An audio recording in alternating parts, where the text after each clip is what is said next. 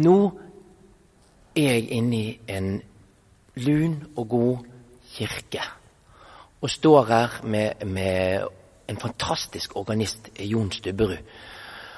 Og i dag, Jon, så har jeg lyst at vi skal prøve å tenne en flamme, en musikalsk flamme, for de som bombes i Ukraina og prøver febrilsk å få en trygt, trygg flukt fra Ukraina med barna sine. De som setter seg i usikre båter og reiser fra et utbombet Syria. Vi skal tenne en musikalsk flamme som gjør at vi ikke tåler så inderlig vel, og ikke glemmer. Ja, og vi kan kjenne på at musikk kan uttrykke smerte, og at det trengs at musikk roper eh, om eh, en smerte, og ikke bare er snill musikk, og særlig i kirken, så eh, er jeg opptatt av det i gudstjeneste. Så eh, i dag så får vi høre et stykke av en fransk komponist som heter Olivier Messiaen. Og han har skrevet uh, et stykke som han skriver over Jesus tar på seg lidelsen. Eller Jesus aksepterer lidelsen. Og det ønsker vi å sette i sammenheng med Ukraina og smerten vi kjenner der. Og så har vi oppdaget et dikt som ble publisert bare i går. Hans Olav Mørk skriver et dikt som han kaller 'Mariupol, Ukraina, Marias by'. Marias by, du ligger i ruiner, og fortsatt faller bomber i ditt fang. Men likevel, du synger dine sanger, du reiser opp en katedral av sang. Der prester hyller Gud som undertrykker. Der priser du den Gud som reiser opp, den Gud som kaster herskere fra tronen og er til stede i den dreptes kropp.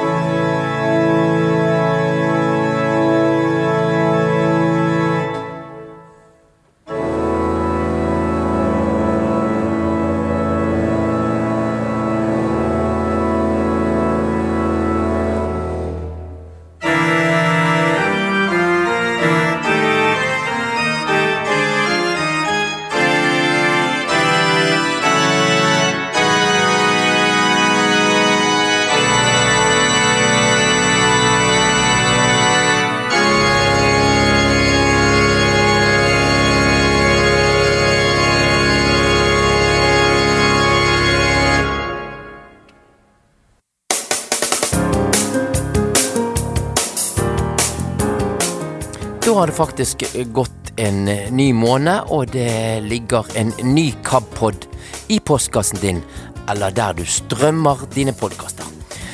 Dersom du ønsker å kontakte KAB, så funker det både med å ringe på telefon 69 81 69 81, eller e-post kab alfakrøll kab.no. Og så hadde det jo vært kjekt om jeg hadde fått en e-post av deg, og min adresse den er kurt.melandalfakrøllkab.no. Ja, på denne podkasten så kan du jo ta og, og bla fram og tilbake og velge alt det du har lyst til å høre. Jeg håper nå at du blir med på hele reisen, for det er spennende stoff over hele linjen. Så vi begynner med begynnelsen hva skal være i denne podkasten. Du får digitale barrierer, fjerde del denne gangen. Og så, denne gangen blir det òg eh, store nyheter fra generalsekretær Øyvind Woie, så følg med. Om ikke det er nok, så blir det òg en relansering av en podkastserie som er laget av Frank Tangen for noen år siden. Å leve med tap heter den, og den anbefaler jeg veldig. En god podkast. Hilde Diakon hun skal på tur i denne podkasten òg. Og så har vi en spesiell utgave av Tanker og tro denne gangen. I dag får du møte prest og forfatter Jostein Ørum.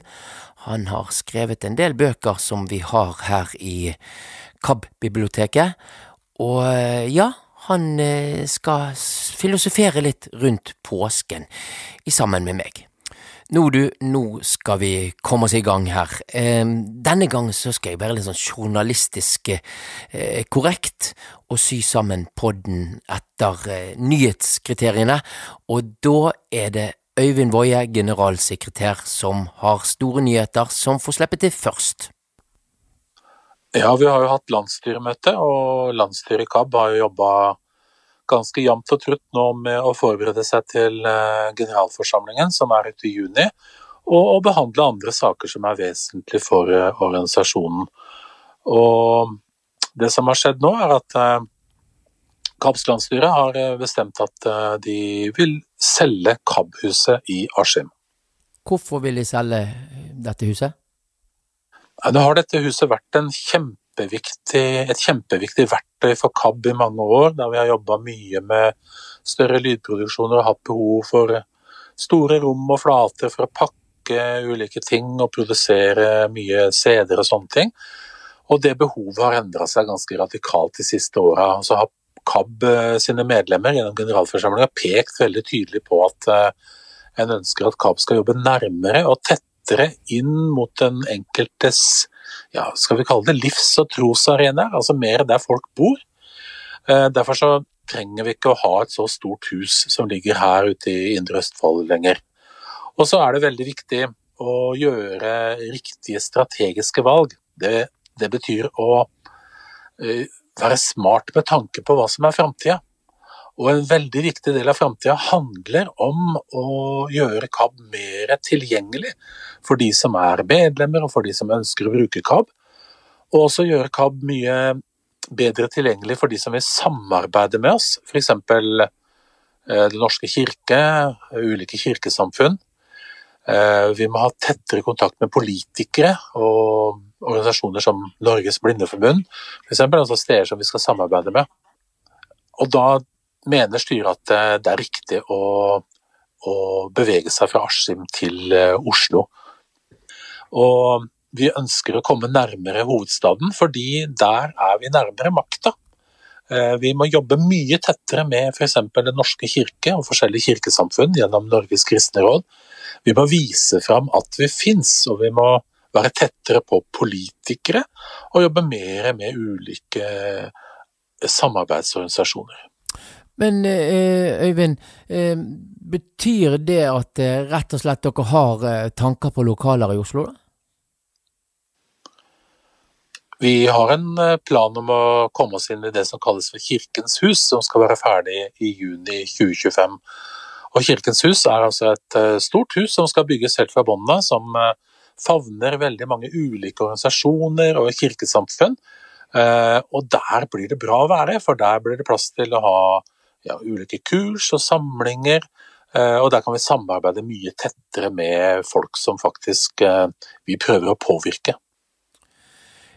Hva kan eh, folk merke når KAB har flyttet til Fraskim? Hva, hva vil brukere merke? Jeg håper først og fremst de vil merke at KAB faktisk da kommer nærmere et sentralt kommunikasjonssted, slik at det faktisk vil være lettere å reise og besøke KAB og kunne treffe de som jobber med organisasjonen vår. Og så håper jeg at de merker at KAB også kommer mer ut, sånn som vi har gjort gjennom kortreist, og sånn som vi jobber mer og mer gjennom lokalforeningene. Så jeg håper de skal merke at KAB faktisk kommer fysisk nærmere der hvor du lever og er. KAB og Askim, det er jo liksom litt sånn tradisjon, dette her. KAB i Askim. Jeg var eh, liten og skulle sende brev og få en brevvenn og greier, så måtte jeg sende brev til Askim. Det var svære greier, det. Ja, altså jeg bor jo i Askim fordi jeg flytta hit for å jobbe i KAB. Så vi har jo alle et eh, tett forhold til eh, Askim. Folk har jo vært her innom Kabb-huset av og til, kanskje ikke så mye de seinere åra. Så det er klart det er nye vaner og nye måter å jobbe på, men eh, vi tror at det er til det beste for eh, KABs arbeid og utvikling framover. Eh, hva tror du folk kommer til å si da? Jeg tror kanskje ikke folk merker så veldig stor forskjell. Det er jo først og fremst de som går på jobb ned til KAB-huset i Skogveien 22, som merker at de må reise et annet sted.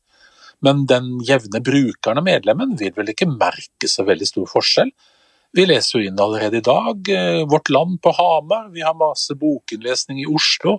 Vi har lydbibelproduksjon rundt omkring. Så vi er ikke så fysiske i dette huset. og det vil jo være mulig å komme oftere til eh, KAB eh, sine lokaler da, og treffe folk som jobber der. Men ikke dette en litt gammeldags tanke, da? Altså, vi jobber jo fra hvor som helst. Jeg sitter i Bergen og jobber for KAB, liksom.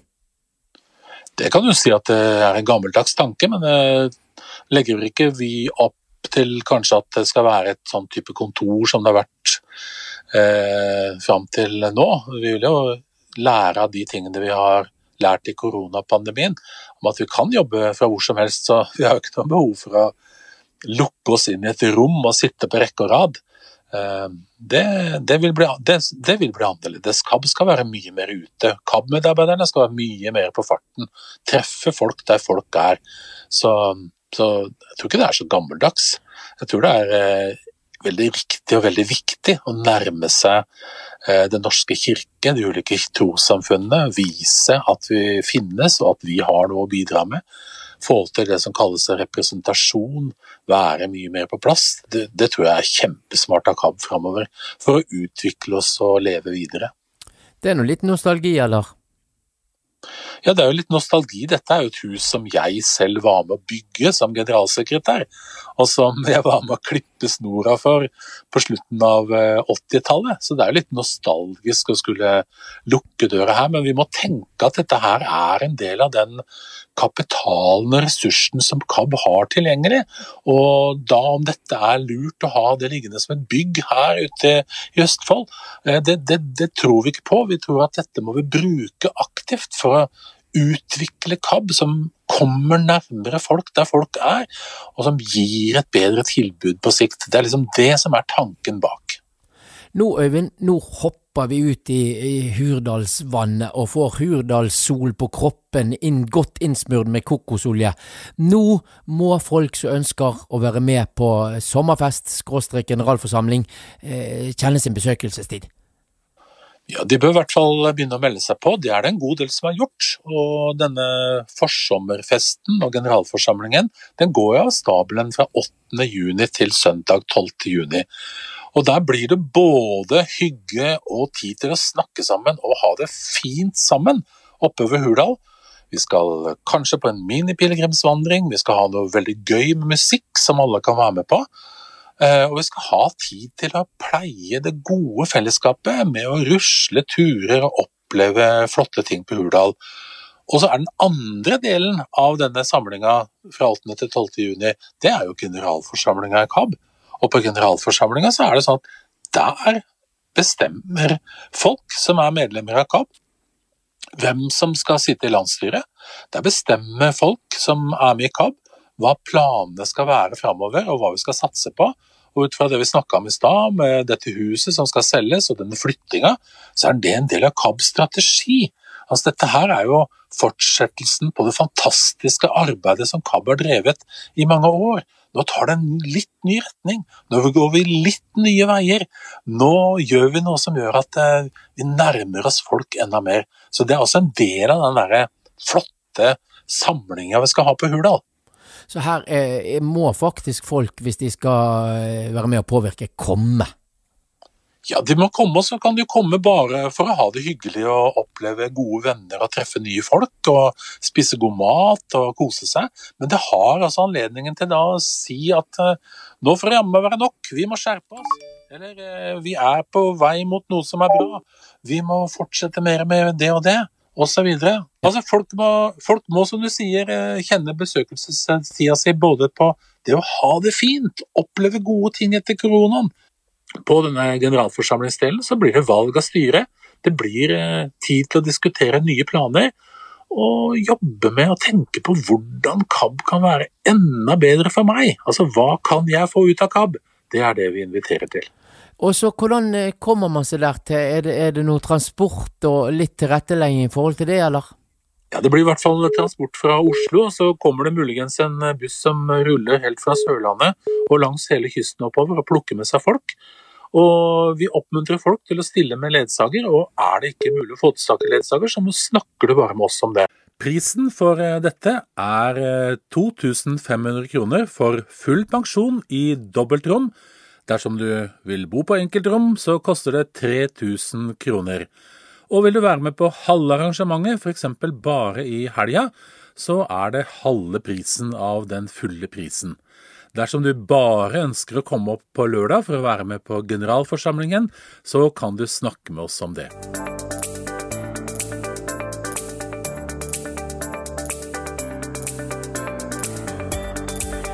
Skjulte skatter i KAB, står det på kjøreplanen min nå.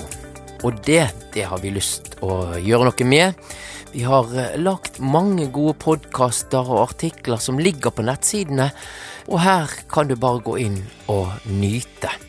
Eh, så nå når vi skal få disse skjulte skattene til å være mer glinsende juveler på forsiden vår på nettsiden, så har vi tenkt å relansere en eh, podkastserie som vi kalte for Å leve med tap. Den ble produsert for noen år siden av Frank Tangen.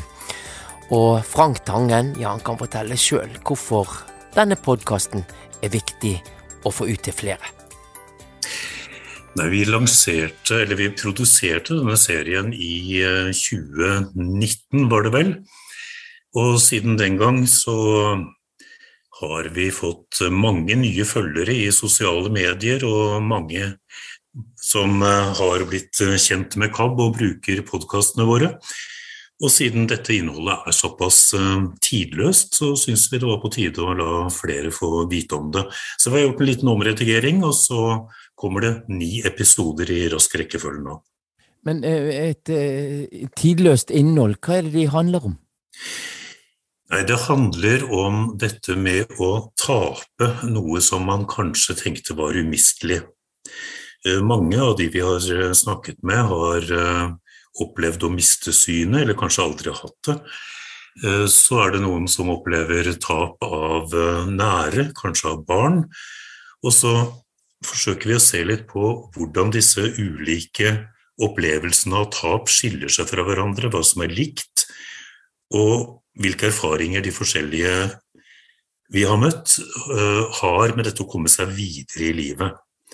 Så her er det det er vel til sammen åtte personer som er uh, intervjuet alene. Og så har de møttes i to grupper Eh, med en psykolog fra Modum Bad, Kari Halstensen, til felles samtaler hvor de deler erfaringer og reflekterer rundt sine egne historier. Du, eh, eh Frank, vi må røpe en liten sånn eh, fun facts her. At du, da du var ung, så jobbet du med en eh, kjent forfatter som eh, skriver bøker. og i ene boken, den som het Fransk åpning, så sto det om Frank Hansen, som du het da, at eh, eh, han var inne og laget program om døden. Og du har fortsatt med det siden, siden den gang. Ja, det er kanskje en hang-up hos meg, jeg vet ikke. Nei da, eh, det var Vigdis Hjorth som eh, skrev dette i en av de første voksenbøkene sine da vi hadde jobbet eh, sammen i NRK en periode og delte kontor. Og det stemmer at jeg var vel med bl.a. i Verdibørsen og lage en del program om døden, men jeg, jeg lagde noen barnetimer òg, Men det har kanskje litt sånn bakgrunn i egne erfaringer, at jeg har opplevd noen tap som jeg har hatt behov for å reflektere over. Og så er det jo noe med at eh, det å tape ting, og det behøver ikke være så drastiske ting som å tape et menneske, eller altså at eh, Det behøver ikke å handle om døden, det kan være mange andre ting, relasjoner, eh, sanser, hva som helst. At det rammer oss alle, én eller flere ganger i løpet av livet. Og da syns jeg det er viktig at vi snakker om det også. Til slutt, hva hva tenker du, eh, folk som skal høre på dette? Altså, jeg, jeg syns det høres litt sånn lite fristende ut å gå inn i en sånn tung uh, materie, for å si det sånn. Men er det bare mørkt og det kommer ut på andre siden tungt til sinns, liksom? Nei, det er det absolutt ikke. For her har vi jo på en måte lagt en uh, vekt på at det er jo på en måte veien igjennom og veien ut og tilbake i lyset vi på en måte ønsker å, å vise fram og legge vekt på, ikke minst i de felles uh, samtalene. Så alle, det alle disse som vi møter her har felles, er jo at de har kommet videre. Og det er jo hovedsaken her. Så på den måten så er jo dette ja, Vi kan nesten kalle det en form for likepersonsarbeid. Så jeg tror mange vil ha glede av å høre på denne serien, og kanskje anbefale den for sine venner. Og skulle man synes det er for trist, så får man jo heller uh, droppe det. Ta de flere venner, som det heter. Eh, ja, jeg, jeg, vil nok ikke anbefale å høre alle disse, skal vi se, men det blir ganske mange timer, fem-seks timer i hvert fall til sammen, i én bolk. altså Det kan bli litt drøyt. Du Frank, det er jo bare å konstatere at eh, KAB vi er fortsatt fryktelig gode å lage gode podkaster. Får ikke vi si det sånn? Uh, jo, det var dine ord, men uh, vi syns i hvert fall at vi skaper ganske mye meningsfylt uh, innhold. Og vi vil absolutt anbefale alle å gå inn på nettsidene våre og se hvor mye som nå faktisk ligger ute av både nyttige og underholdende og morsomme og kanskje litt triste ting. Det der var jo Frank Tangen. Det er altså mannen bak denne podkastserien som vi relanserer nå. Og du skal få høre første del nå, og det er episoden som handler om Magne og Lise Lunde, som var ute for en veldig alvorlig bilulykke rett etter de hadde giftet seg. Hvordan kan du komme videre når du har opplevd tap av det umistelige? Eh, og så husker ikke jeg egentlig noe mer før jeg eh, hører masse skrik rundt meg. I denne podkastserien møter du mennesker med sitt tap og med sin historie. Og med tanker om hva som hjalp de videre i livet. Faktisk drømte jeg også at jeg var til stede i min egen begravelse. Ja, det, det, var jeg jo nesten nå, men eh, så klarte jeg å, å flykte. Så når eh, begravelsen starta, så så var det jo ingen som klarte å finne meg. Så det var jo en veldig merkelig drøm, da. Men var, jeg svevde mellom liv og død i en to-tre uker. I denne episoden møter du Lise og Magne Lunde. Da de hadde vært gift i et eh, par uker, kom de ut for en alvorlig bilulykke. Magne han var nær ved å dø, og han mistet synet. Nå lever de et godt liv i sammen, men ting ble ikke akkurat som de hadde planlagt da de var unge. Møt Magne og Lise Lunde i samtale med programleder Frank Tangen. Du hører på podkasten Å leve med tap, som er produsert av KAB med støtte fra Stiftelsen DAM. Jeg heter Lise Jahr Lunde, er 49 år, jobber i barnehage.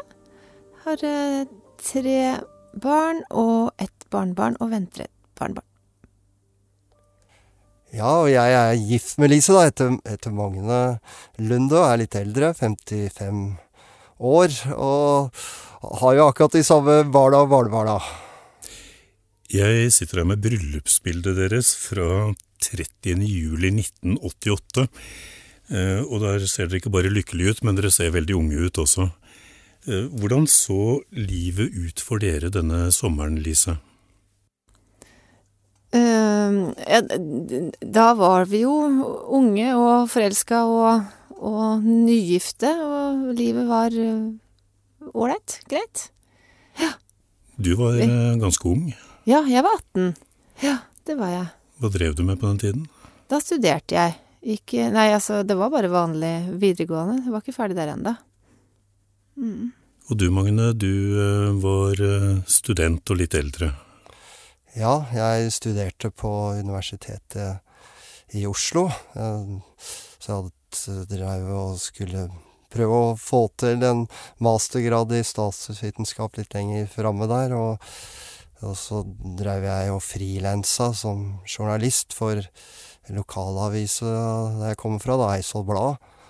Uh, og var også ve veldig aktivt og engasjert i fotball, da, som jeg likte veldig godt å, å drive med. Og så, så sparka fotball på den lokale klubben der, så det, det var mye det det gikk i. Hva tenkte dere om uh, hvordan framtida skulle bli? Framtida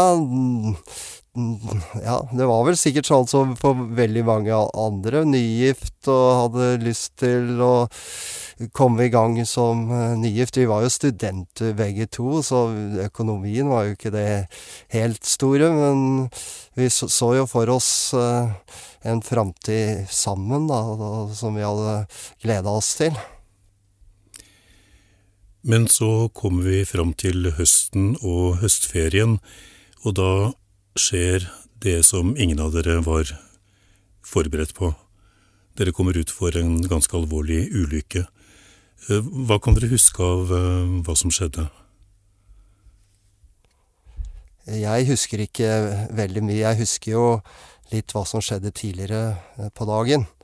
Lisa hadde høstferie da, og så Jeg hadde ikke høstferie i og med at jeg var på universitetet, da, så, så var det bare én den siste uken før vi lå an til å rykke opp, så jeg var jo veldig opptatt av egentlig det å forberede meg for fotballtreningene. Men siden Lise hadde høstferie, så hadde jo hun lyst til å, å reise. Jeg hadde jo egentlig svart nei, men så, så hadde jeg jo veldig lyst, jeg òg, da. Så da lot jeg meg overtale, og så på den dagen så, men, så, så dro vi på ettermiddagen hjem på fotballtrening, for jeg ville jo få meg en til av dem den uka der. Og så Dette var jo en tirsdag.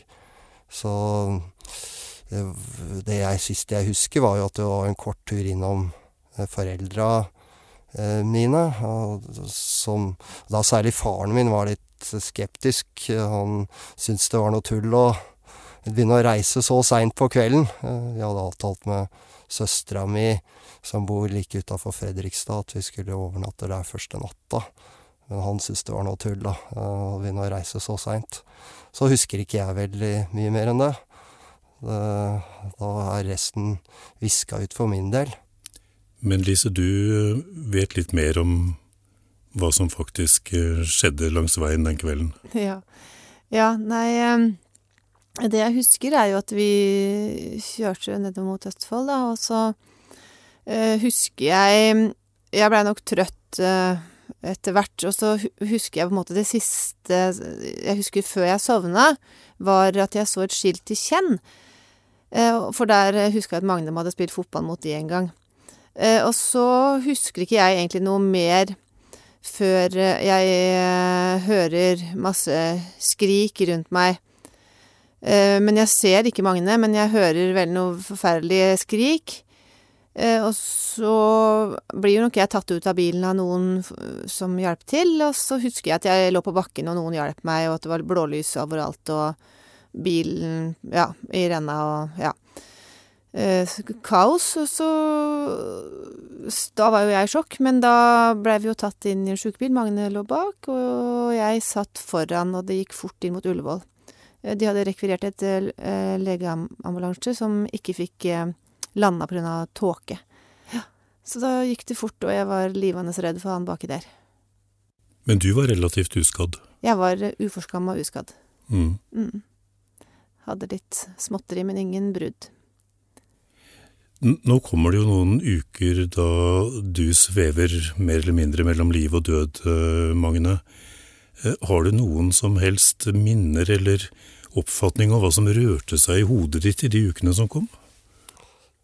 Den tida uh, husker jeg en del fra, uh, og det var en forferdelig tid. Og det, jeg tror egentlig det var kampen mellom liv og død som utspilte seg oppi huet mitt. Jeg drømte at sykepleierne liksom var mot meg. De var jo for meg, men i mitt hode var de jo mot meg. For jeg fikk jo, for eksempel, jeg fikk jo masse blodoverføringer, da. Uh, sikkert nærmere 100 liter blod i løpet av den tida der. Altså de, og det uh, Så jeg hadde opplevelsen at de skulle ta livet av meg.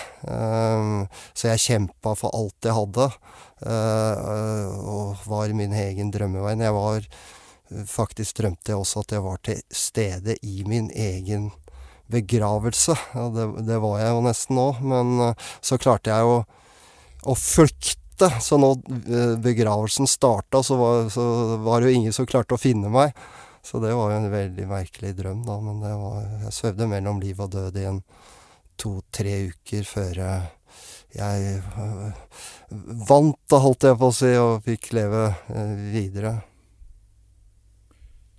Hvordan var det å stå ved siden av Magne i disse ukene, Lise?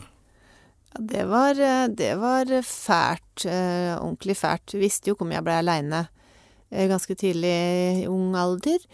Eh, men vi, vi hadde mange Vi hadde veldig mange i familien som stilte opp ekstremt mye for oss, og de var veldig flotte på sjukehuset, så vi fikk veldig god støtte på alle kanter. Men det var jo fælt å se han ligge der fryktelig skadd, og ja, det var jo ikke akkurat sånn vi hadde håpa det skulle bli. Ja. Hva slags skader var det du hadde, Magne? Jeg, jeg blei jo veldig hardt skada, særlig på venstre halvdel av uh, kroppen. Der han, han, som kjørte på meg, traff akkurat på forskjermen på min side, så bilen blei en sånn skikkelig snøplog, og alt kom inn mot meg i førersetet, da, så det var jo derfor jeg blei så hardt skada. Bilen blei helt trøkt sammen på min side. Så jeg hadde brukket mye på venstre siden, og, og særlig fikk jeg en veldig stor hodeskade, da. Så, så det går an å forestille seg, så var hodet mitt dobbelt så stort som det faktisk er i dag, da. Fordi at smellen var så kraftig mot sjølve hodet mitt. Så jeg blei liggende 17 timer sammenhengende på operasjonsbordet når jeg kom inn der og, og ble, ble, operert. Da. Så da sitter jeg igjen med en skade i venstrehånda mi som er halvveis lamma i, i fingra og sånn, så jeg har litt dårlig funksjon og følelse i, i venstrehånda mi. Og så har jeg det samme på venstre halvdelen av ansiktet, da, i tillegg til at jeg er, er blind. Du mista synet helt? Jeg mista synet helt i bilulykken. Det blei sagt litt fra legene akkurat i starten at det kunne være et lite håp på det ene øyet, men etter hvert så skjønte vi at det alt håp var ute. Hvordan var følelsen av å måtte innse at du kom til å leve resten av livet uten syn? Når jeg våkna opp, så hadde jo jeg vært i min drømmeverden, og det gikk jo en fire-fem uker før jeg kom ordentlig til meg sjøl igjen, og da var jeg såpass hardt skada over hele kroppen. Jeg lå jo i senga der, kunne ikke sitte opp engang da. Det, så alt var kaos, og jeg forsto ikke rekkevidden i det hele tatt av hva jeg hadde vært med på, så jeg klarte ikke å fordøye eller ta det inn over meg. Men det, det begynte jo å synke inn etter hvert, da. Og særlig når legene noen uker seinere sa at nå er alt håpet ute for synet mitt, og jeg hadde da så vidt begynt å komme og kunne sitte litt oppe i stolen noen minutter hver dag, og da begynte jo alvoret å skylle innover meg, og jeg tenkte vel som så at nå er min frihet og, og aksjonsmuligheter over. Nå må jeg bare sitte her og klare veldig lite framover. Så det var Det blei fryktelig mye tårer og ja, bunnfortvila, egentlig. Men så ble det vel en lang periode med opptrening for at du skulle komme deg fysisk på andre måter også? Ja, etter hvert så kom jeg til uh, Sunnaas uh, sjukehus, der jeg var uh, fire måneder på opptrening. Ja, så det var jo en møysommelig i, opptrening, men jeg var veldig fornøyd med oppholdet på Sunnaas. De så hele mennesket. Og både liksom den psykiske delen og den fysiske delen, så jeg fikk veldig god hjelp og, og støtte der. Og så var jeg veldig heldig med å ha Lise ved siden av meg hele tiden. Hun var fantastisk og var der hele tiden. Og jeg hadde en tvillingbror og også flere andre som støtta meg og var der og backa meg og ga meg motivasjon og hjelp. og så det hadde jeg Det var en enorm styrke og hjelp for meg i den fasen at jeg hadde de rundt meg, da. Men du hadde fått en helt annen mann enn han eh, vi ser på bryllupsbildet. Ja, han var Vurderte du aldri om du kunne holde ut dette her? Nei, jeg var nok ikke innom det. Jeg ble spurt om det uh, av sykehuspresten der. Uh, litt Det kom vel litt overraskende på oss, tror jeg. Og jeg blei veldig, veldig, veldig veldig provosert og irritert. Jeg, jeg håper jeg besinna meg når jeg svarte på det, men jeg var ikke noe begeistra for det spørsmålet. Men, men, i ettertid så ser jeg jo at det er sikkert en oppgave til en prest å, å snakke, med, snakke med noen om det. Men du tenkte aldri tanken at dette blir ikke til å holde ut? Nei, jeg gjorde ikke det, men som Jeg har jo tenkt at hvis det skulle være en veldig, veldig stor hjerneskade eh, som, hadde, som, hadde, vært resultatet, så kan jeg ikke svare for det. Men, men jeg, jeg, tenkte ikke at jeg skulle det. Nei, jeg gjorde ikke det. Vi, vi gjør et lite sprang i tid. Dere fortalte i starten uh, at dere nå er uh, forholdsvis godt voksne, har barn og barnebarn. Eh, du, Magne, driver eh, din egen virksomhet? Jeg er daglig leder i et firma som har eh, navnet Media Det, det er et firma som jeg startet for ca. 20 år sammen med min gode kollega Morten Tollefsen, som sjøl er blind. Det er et firma som jobber med universell utforming av teknologi, da. Så vi har hatt gleden av å drive det firmaet sammen i snart 20 år nå, så det har vært en veldig spennende, spennende prosess å være med på. Opplever du at du får brukt dine erfaringer som blind i den jobben? Ja, jeg tenker at jeg får brukt erfaringene mine som blind i en sånn type jobb. For det, universell utforming handler jo om å lage løsninger som kan brukes av alle. At det skal ikke være nødvendig med spesialløsninger. Og da tenker jeg at kompetanse kombinert med egen erfaring kan være en veldig god ting i en sånn type jobb. Men hvor lang tid tok det fra den tiden du beskrev på Sunnaas, og du på en måte var i normalt gjenge igjen?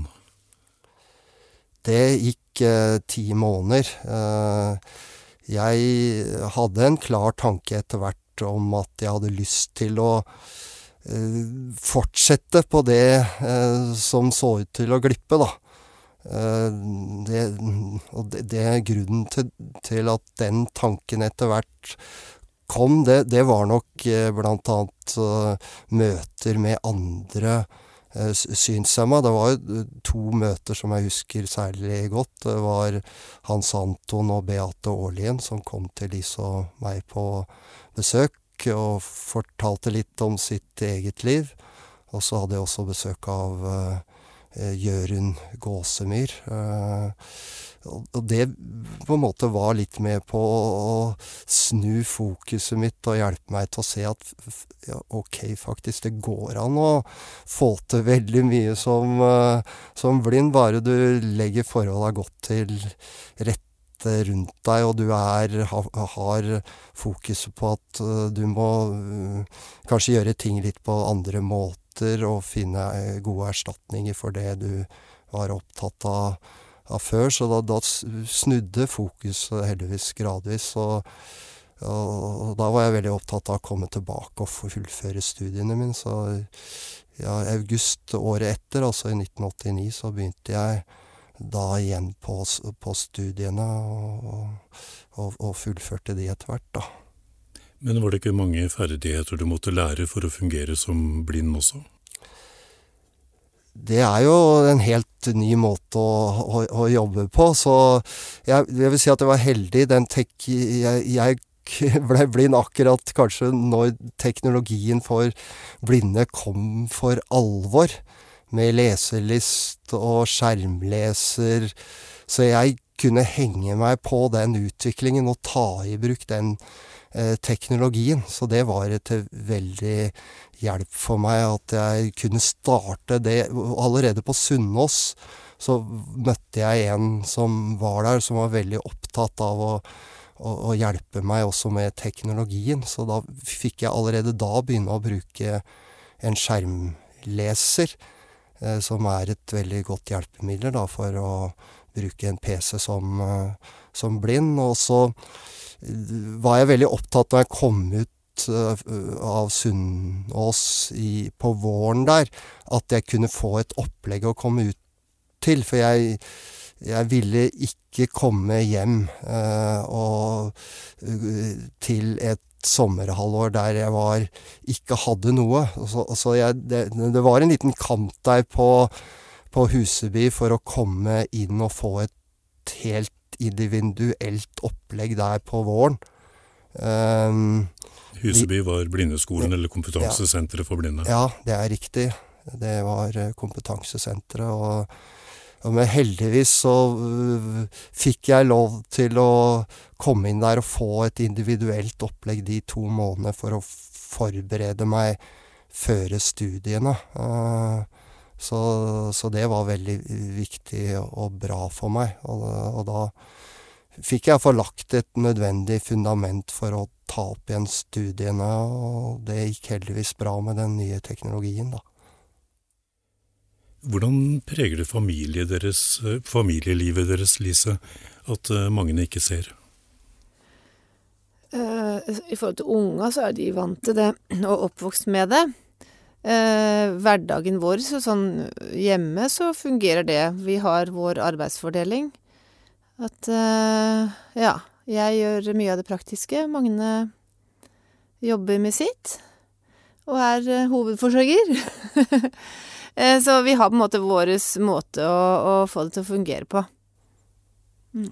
Det er vel riktig å si at uh, Lise har vel uh, vært veldig flink til å liksom ta den oppgaven uh, med å, ta mye større ansvar kanskje for det praktiske enn det som var tenkt. Da, som vi iallfall så for oss den gangen. Det er jo ikke Det er, det er kanskje å henge seg opp i et kjønnsrollemønster, men det, det, var, det var vel litt sånn vi hadde vel tenkt, men det måtte vi jo snu om. Men der har jo Lise vært fantastisk fleksibel og, og, vært villig til å ta mye av det, da. Så det er jo mye som faller på henne av det. Hvor var Gud da dere krasja, Magne?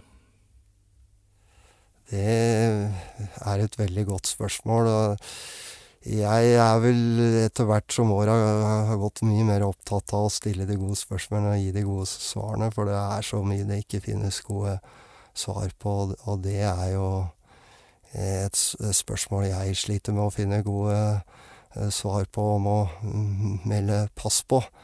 Så jeg tror at det er sunt med en viss ydmykhet når en skal prøve å gi sånne, sånne svar. Men jeg tror vel at Gud var med i det på en eller annen måte. Uforklarlig, gåtefullt. Men i mitt hode så er det umulig å holde Gud utenfor det. Han er allvitende, allmektig. Så så det blir på en måte helt feil, men samtidig som det er uforståelig. Så så jeg vil si at det å begynne å si at du kan se noen sånne klare meninger og alt sånt, og si at det er en mening i det, det det blir blir jo vanskelig. Men det som jeg er mer opptatt, er å møte det meningsløse med mening, da, for å si det på den måten. At det er noe med å å legge til side det man ikke kan forstå, og det man ikke har herredømme eller kontroll over, og så må man heller prøve å møte det med med mening og finne sin vei i det. Det kan man jo gjøre noe med. Man kan velge hva man ønsker å gjøre med det som skjer en, selv om man ikke rår over det som skjer. Så det har vel vært min vei i det. Så så får jeg overlate til andre å gi svar, hvis man kan klare å gi noen gode gode svar på det. Men jeg jeg jeg tror at at Gud har har vært med meg hele veien. Jeg jeg syns det er vanskelig å tenke meg at du kom gjennom alle de månedene hvor livet hadde falt i grus med en kristen tro, uten å bli sint. Jeg forstår veldig godt at det er naturlig å tenke at han ville blitt veldig sint og bitter i en sånn situasjon. Jeg tror at det er en Guds gave til meg at jeg ikke ble det. Det er ikke min egen prestasjon eller fortjeneste, for sånne ting tror jeg ikke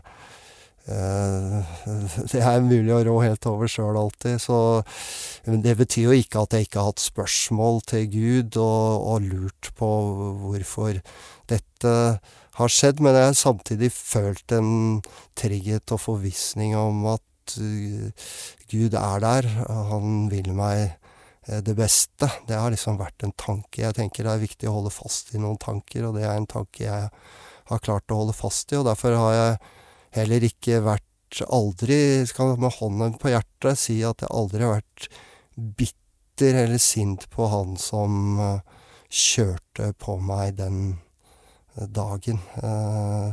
Det det han hadde det var nok mange grunner som gjorde til at han satt bak det rattet den dagen med som kan forklare det. Ikke forsvare det, men forklare det.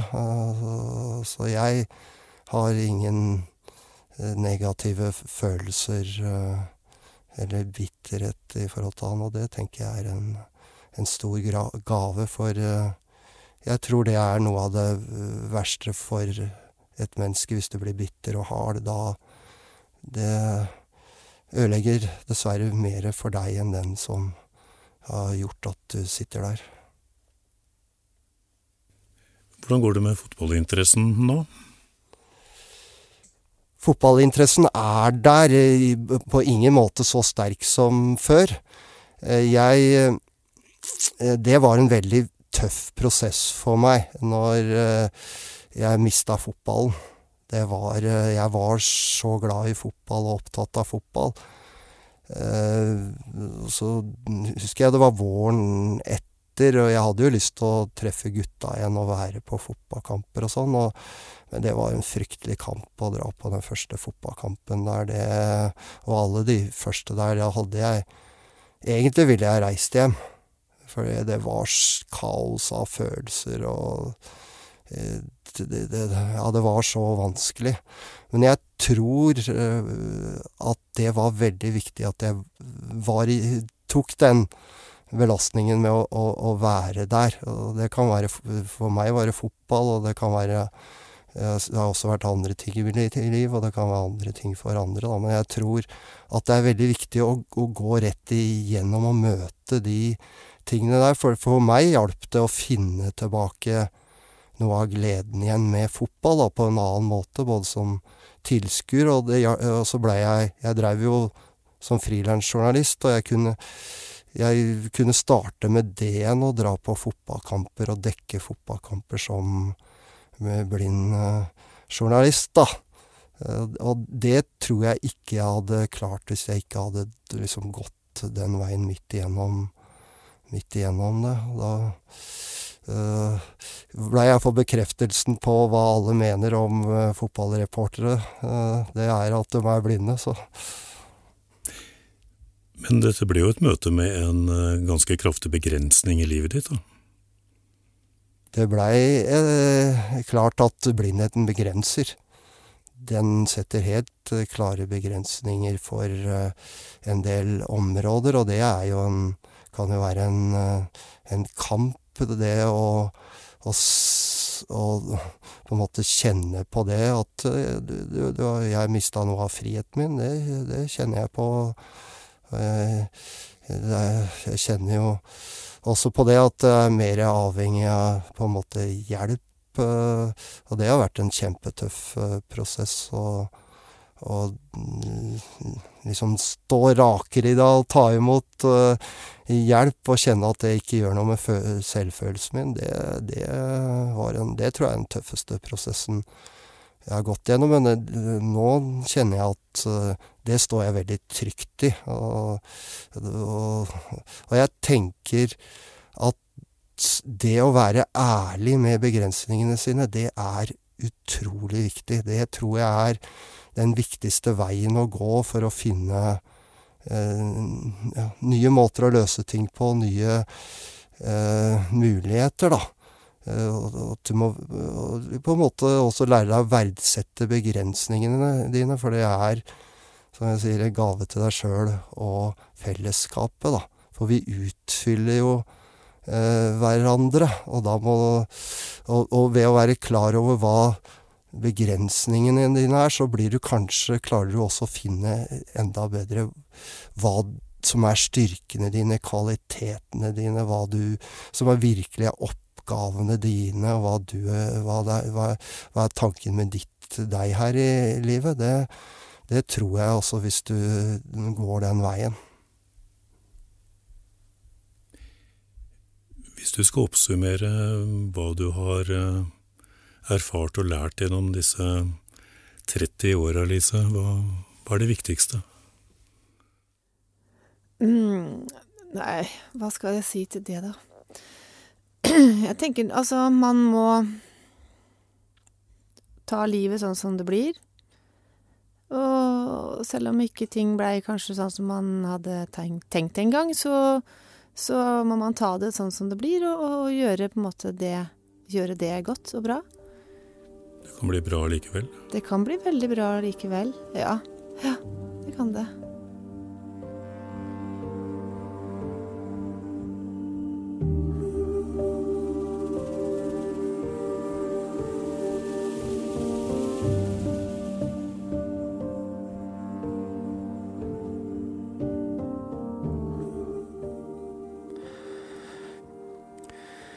Dette var første del av podkasten som du skal få høre framover nå i KABpod, og som òg ligger ute på nettsiden vår, nemlig Å leve med tap, og det var Frank Tangen som var reporter. Nå skal vi til en annen reporter, eh, det er Anne Sanne.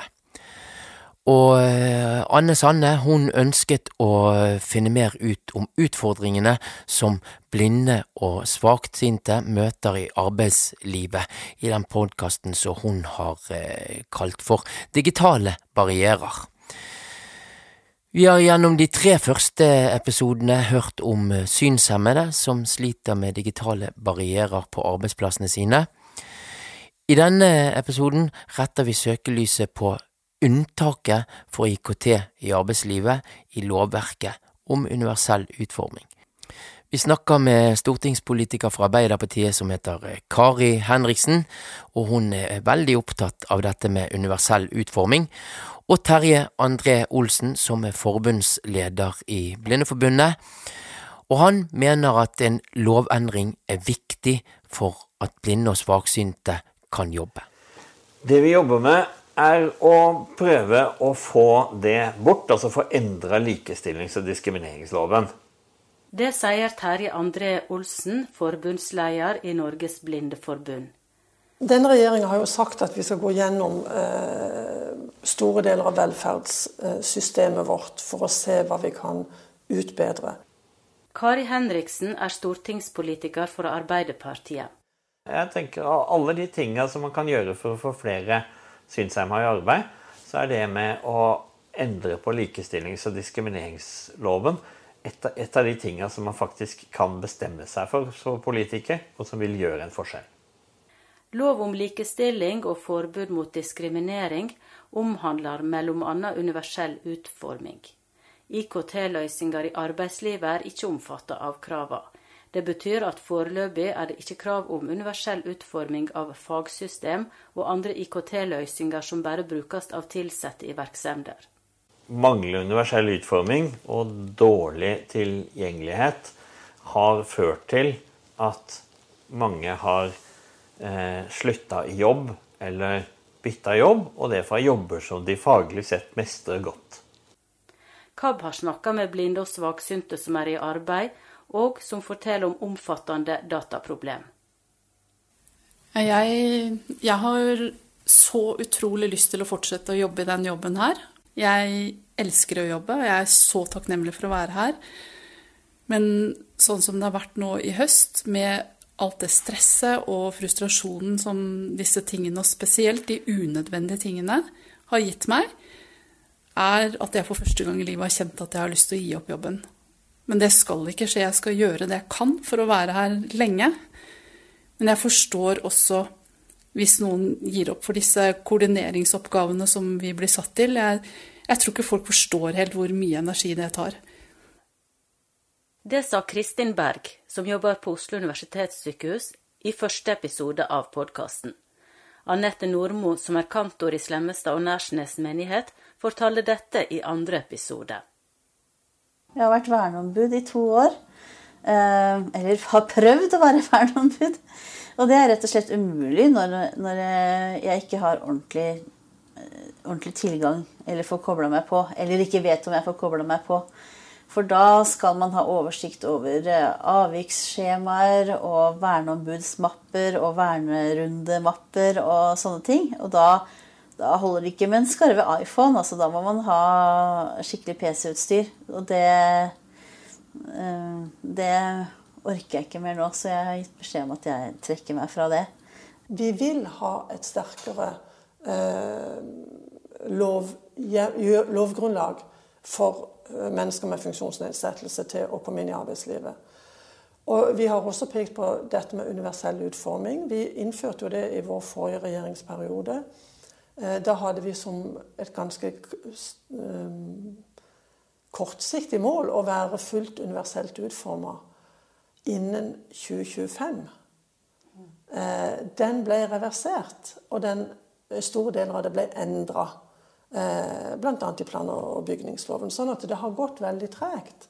Men jeg håper jo at gjennom det arbeidet som organisasjonene gjør, og den oppmerksomheten, og ikke minst dette at vi nå har inkorporert den eh, konvensjonen, vil gjøre at vi får eh, et sterkere fokus på det å, å legge til rette for, eh, også for eh, synshemmede, sånn at de kan fungere i et arbeid. Mm. Vil du jobbe for det? Jeg har i grunnen jobba for det hele tida. En av mine saker det er universell utforming. For jeg tror vi får så mye eh, sekundærgevinst av det, for å kalle det det. Altså Det er til nytte for alle. Har du en universelt utforma buss, er det ingen som er tapere, men det er bare alle som er vinnere. Har du en universell utforma skole, så er det ingen som er tapere, alle er vinnere. Og Personlig så mener jeg at det er en av sosialdemokratiets viktigste verdier. Når vi sier at vi skal ha et felles, et, at alle skal med, og at vi skal lage et samfunn der alle har like muligheter, så ligger det også en forpliktelse på oss til faktisk å, å skape det samfunnet som realiserer eh, den visjonen. Blindeforbundet arbeider med å øke kunnskapen om hvor viktig universell utforming av IKT er på arbeidsplassen. Ikke minst for at blinde og svaksynte skal kunne jobbe. Sånn at det er jo den barrieren som er viktig eh, å få gjort noe med. Både selvfølgelig for at folk skal kunne fortsette jobb, men også for at folk som begynner i jobb, ikke skal møte den barrieren. Eh, og så er det jo sånn at Når vi får endringer og utvidelser av likestillings- og diskrimineringsloven, for det har vi fått eh, flere ganger, så har vi vært veldig glad for de. Eh, og, og, og dette er da neste ting. Det sitter nok langt inne.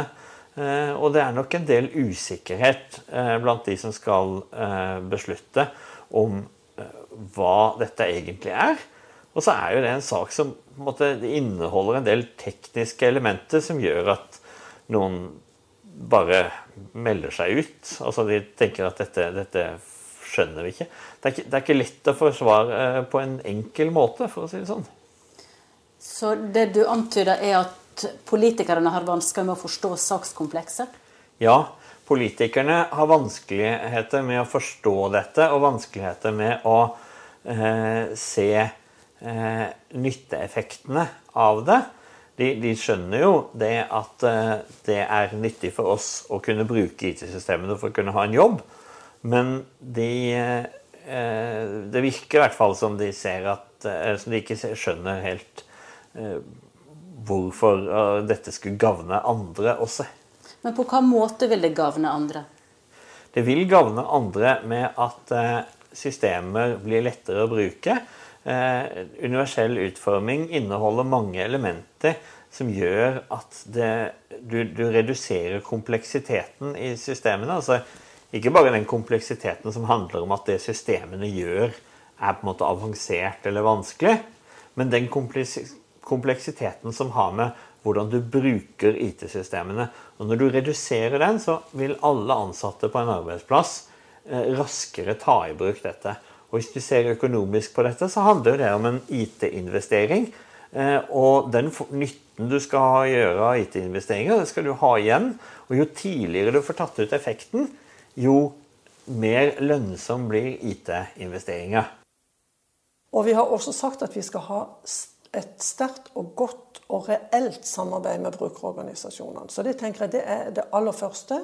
Det er å være tydelig i tilbakemeldinger til regjeringa og til oss på Stortinget hva som faktisk må endres på, og være veldig konkret. Både på penger og på konkrete ting.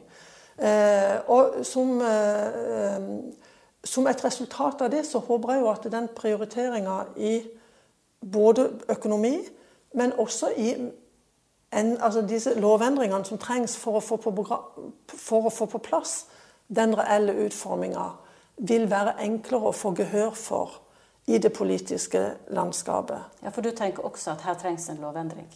Ja, altså jeg, jeg tror at skal du få det til, så må du ha om du må ha en lovendring eller en forskrift, eller om det er økonomi- og tildelingsbrev som skal løse det, det er ikke jeg helt sikker på. Men du må ha et sterkere fokus på at det er en rettighet, og at den skal realiseres. Og at du må bygge opp et system som underbygger det målet. Det mener jeg er helt vesentlig.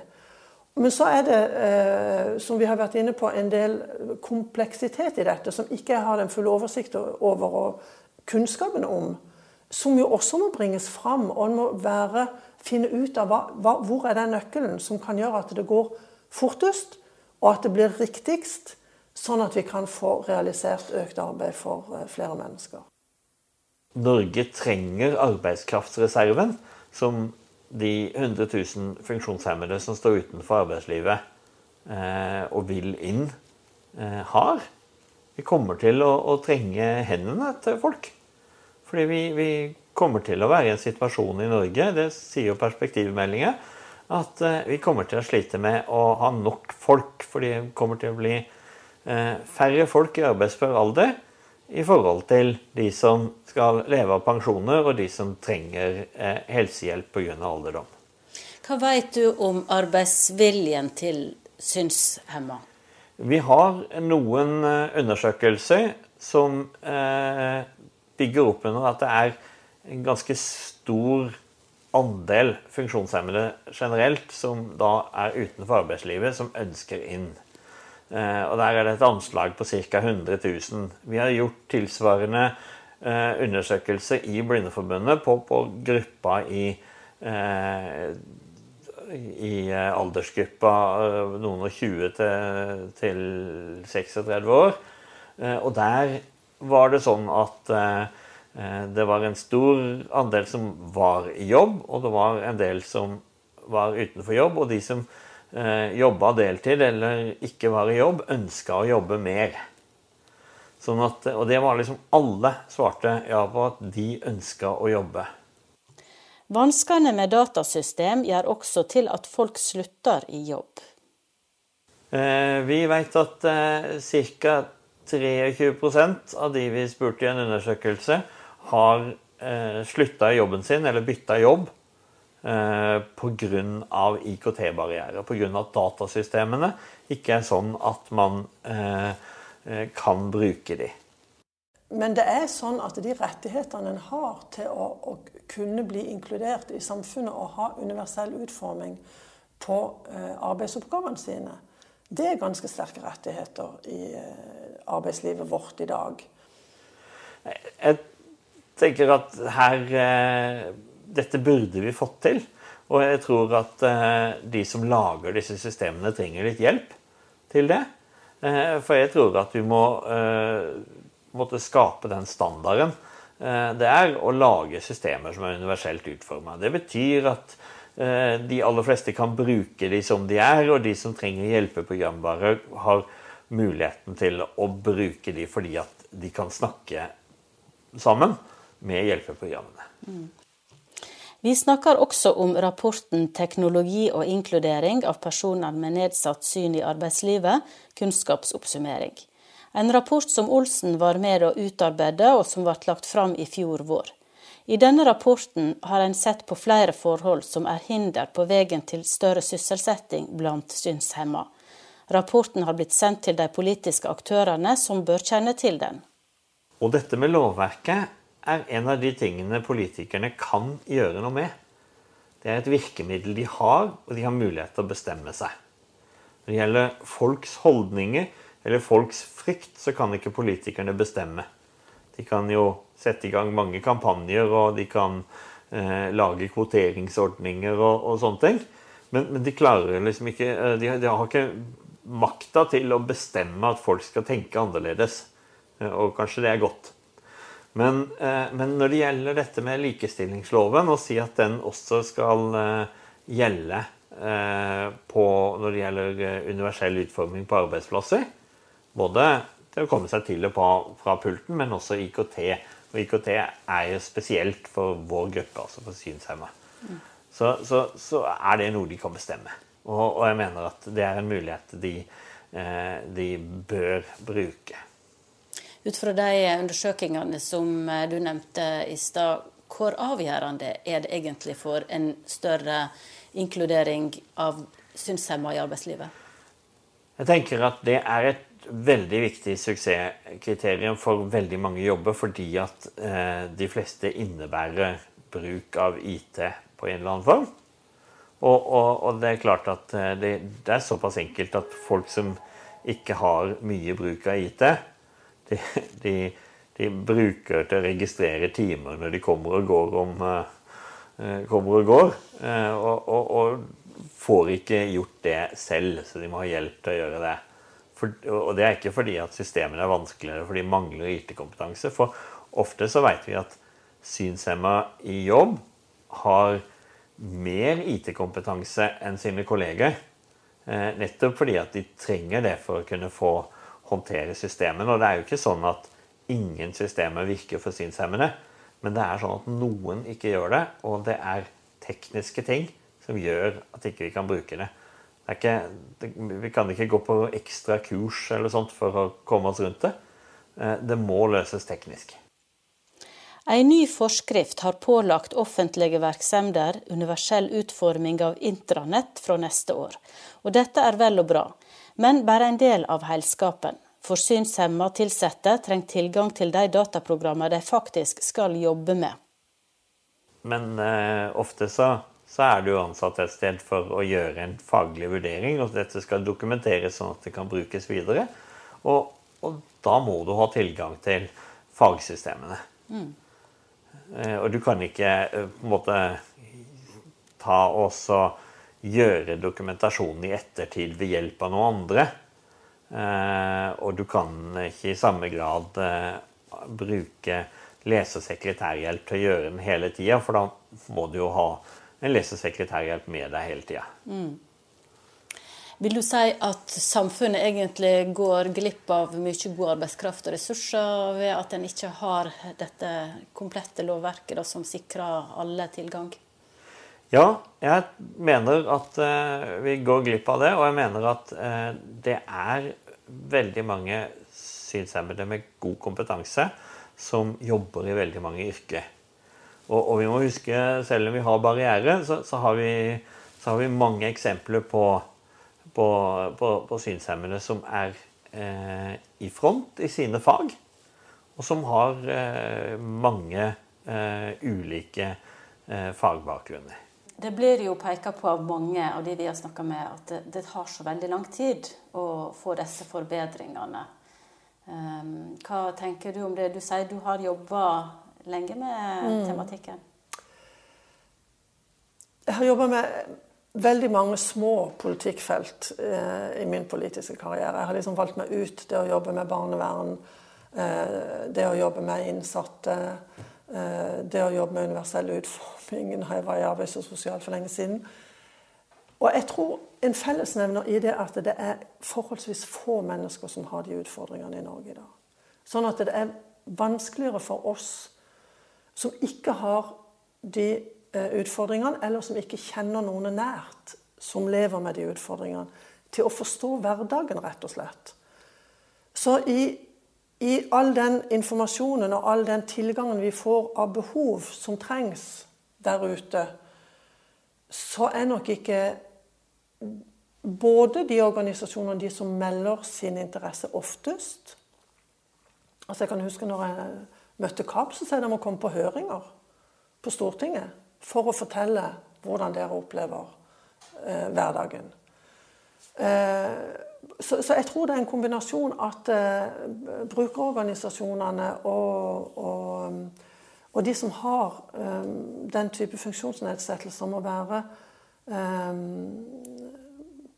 pågående overfor å fortelle oss og utfordre oss. Jeg var nettopp i, i sommer før valgkampen som ble utfordret til å sitte i rullestol i Kristiansand f.eks. Og det er utrolig gode erfaringer for oss som politikere å ha med. Eh, så det vil jeg oppfordre til. Men så tror jeg samtidig at eh, vi må, eh, også vi som politikere, må være flinkere til å gi den type politikk plass i, politiske, i de politiske debattene.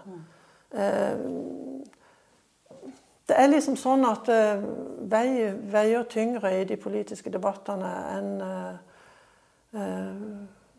programvare for uh, synshemma. Men, men, du kunne tenke deg å ta opp dette igjen? Altså, Jeg tar opp dette ved, når vi diskuterer Vi har jo disku, sånne diskusjoner i, i gruppa. Så uh, har vel jeg løfta dette med universell utforming i de fleste budsjettdebattene vi har. Fordi jeg mener det er så stor gevinst i å få det til. Um, så, og vi er noen i gruppa som jobber med det. Men vi trenger bare å snakke mer sammen. og få, Jeg tror også vi trenger å konkretisere. Sånn at vi i de enkelte budsjetter har i samarbeid med brukerorganisasjonen noe peiling på hva er det vi skal konkret prioritere i år. Hvordan skal vi gjøre det? Og da tror jeg den brukersamvirket og den samarbeidet som er mellom regjeringa og brukerorganisasjonene, er utrolig viktig. Sånn at ikke det bare blir en sånn diskusjon om ja, vi må gjøre ting bedre. Vi må finne en ende som vi starter på, og så må vi jobbe oss videre derifra. Mm. Du nevner at uh, denne gruppa er forholdsvis liten i forhold til mange andre grupper som uh, uh, trenger bedre tilrettelegging eller ja, et lovverk som fungerer bedre.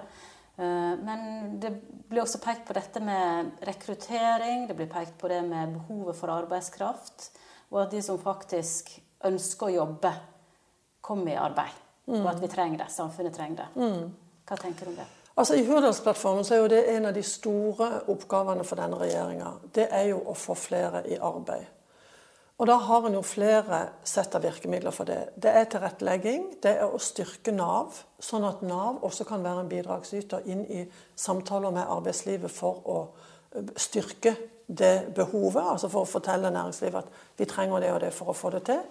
Og så er det å styrke kommunenes økonomi. Det er tre oppgaver som er ganske viktige for å klare å realisere større grad av inkludering. Eh, og Det gjelder også fordi at eh, kommuner og offentlig sektor skal ha en mulighet til å kunne eh, kjøpe programvare, til å kunne iverksette tiltak. Så trengs økonomi også i offentlig sektor, sånn at de kan bli bedre på, på inkludering. Og så har vi sagt én ting til, og det er det at vi har sagt at vi skal styrke brukermedvirkningen i samhandlinger mellom regjeringa og sivilsamfunnet. Og det mener jeg det er utrolig viktig. Det siste punktet, som da blir nummer fem, det er at vi vil øke organisasjonsgraden. Så det vil jeg jo også oppfordre alle til å bli organisert når de får en jobb, enten en fast eller midlertidig jobb, men organisere sånn at en kan ha den tyngden av en fagforening i ryggen når en skal hevde sine rettigheter på arbeidsmarkedet.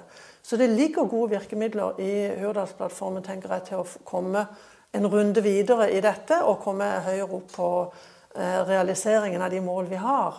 Eh, men en trenger et godt samarbeid, og en trenger å være konkret på hva som faktisk skal gjennomføres. KAB har leita etter, og vi har funnet, problem, digitale barrierer men vi har ennå ikke funnet løsninger. Vi har hørt at arbeidsgivere og politikere er positive. Hva er det da som mangler?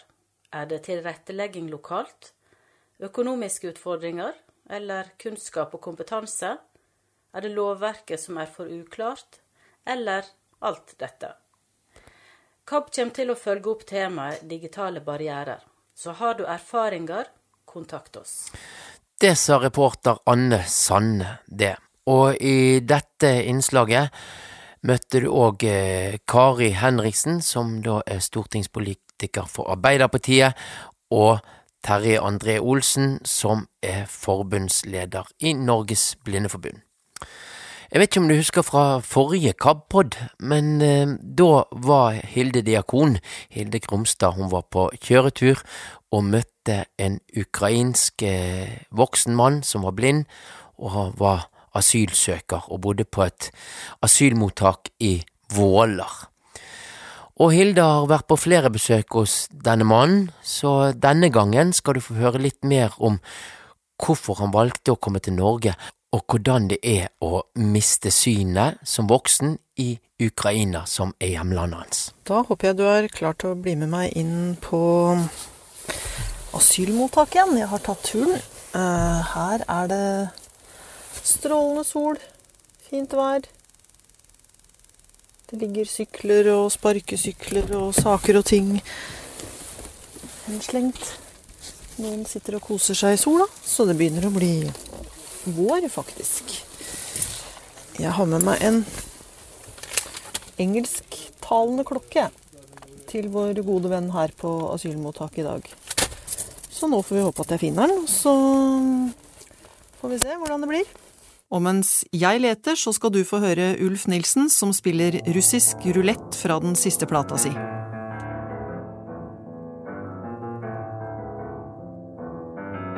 Eh, og nå tenkte jeg at vi skulle få høre litt av hans historie.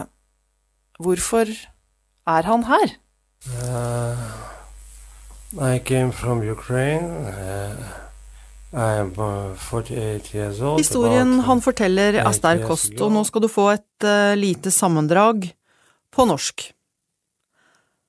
Han forteller altså at han er 48 år, uh, og for åtte år siden så mista han synet på grunn av glaukom, det vi kaller grønn stær. Legene prøvde å operere, men det var ikke noe suksess med det, så synet ble ganske fort mer eller mindre borte. Han går med briller, så han kan se litt farver og konturer, men ikke mye. I Ukraina har de ingen spesialskoler eller senter for mennesker som mister synet i voksen alder. De har noen skoler for blinde barn, men voksne som mister synet, vet ikke hvordan de kan leve livet sitt. Så i to år så satt han hjemme og tenkte at livet var slutt, eh, og han så ingen grunn til å leve når synet var blitt borte. Og han sier at det er nok ganske vanlig i Ukraina. Noen som mister synet, får store problemer og prøver kanskje til og med å ta livet av seg. Etter disse to årene så møtte han en annen mann som også hadde mistet synet. Eh, han var med i en organisasjon som prøvde å hjelpe nyblinde. Eh, og de hadde to ukers kurs for å forklare helt grunnleggende ting. Eh, å ha blinde kan ha et liv som alle andre, men på en annen måte. I Ukraina må man betale all medisin selv, og ofte må man få hjelp av venner da man ikke tjener penger selv, så man må altså sette i gang en kronrulling. Man får ingenting tilrettelagt, og ikke noe hjelp til bolig. Man må altså skaffe seg alt sjøl, eh, og også mobilitetsstokk og data eller annet teknisk utstyr må man skaffe på egen hånd. Han forteller at han mistet alle de gamle vennene sine, han mista kjæresten sin, og han mista jobben sin. Dette er ganske vanlig også for andre med en funksjonsnedsettelse. Livet forandrer seg, og samfunnet og venner svikter. Du er avhengig av folk rundt deg for å få et godt liv. Det er ingenting i samfunnet som er organisert rundt en funksjonshemma. Så han reiste fra Ukraina fordi han visste at blinde i andre land, sånn som England eller USA, Canada eller i Europa, kan få hjelp til å leve livet som blind, og kanskje til og med få en jobb. På spørsmålet om hvordan han kom til Norge, viser det seg at han fløy fra Ukraina til Kypros, for det var lett, å få, lett og billig å komme seg til Kypros, og så videre fra Kypros og til Norge. Han var veldig redd for å reise aleine, til et nytt land. Men han visste at i Ukraina ville han leve helt isolert og vente på døden. At det ble Norge, er litt tilfeldig. Han fikk hjelp av en venn med flybilletter, og underveis i dette søket så, så de at Norwegian de tilbød ledsaging. Det var det eneste flyselskapet de fant som hadde det tilbudet, og de fant også ut at Norge det var et bra land med mange gode ordninger for funksjonshemmede og blinde. Så altså falt valget på Norge, og det er ikke så dyrt å skaffe seg en flybillett fra Kypros til Norge heller. Underveis i samtalen kommer det fram at han har kontakt med andre blinde hjemme i Ukraina. Eh, via WhatsApp så klarer de å holde litt kontakt, og jeg er nysgjerrig på hvordan, hvordan det er for dem nå når det har blitt krig. In my town uh, now it's very difficult situation, not for blind people, for all people, cause my own town. Han forteller at hjembyen hans ligger fire mil fra den russiske grensa, uh, og der er det nå veldig vanskelig for alle. Og selvfølgelig spesielt for mennesker med en funksjonsnedsettelse og de som er blinde. Det er bombeangrep, det er raketter, og det er skyting.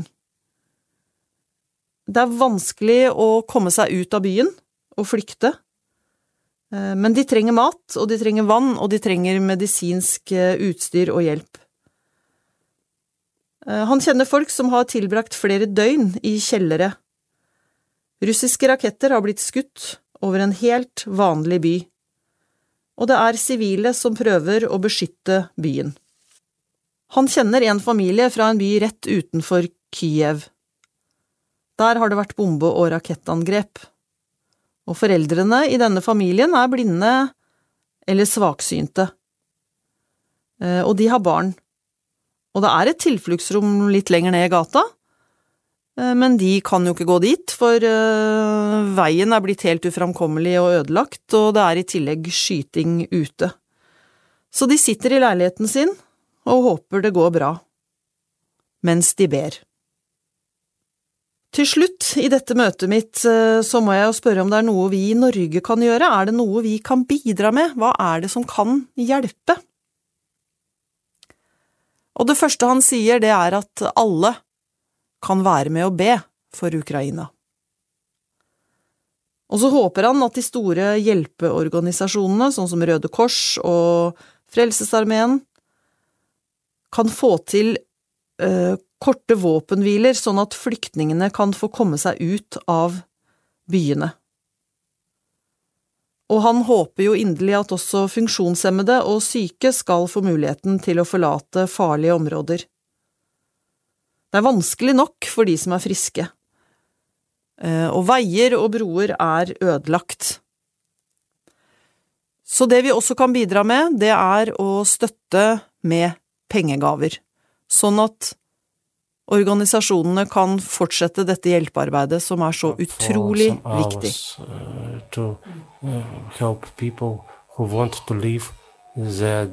Dangerous city now. Da er jeg ferdig på dette mottaket for denne gangen. Vår venn har jo fått beskjed om at han skal uh, reise et annet sted. Og nå er det nå er det Stord som står på kartet, faktisk. Dette var første del av historien om en blind eh, flyktning fra Ukraina.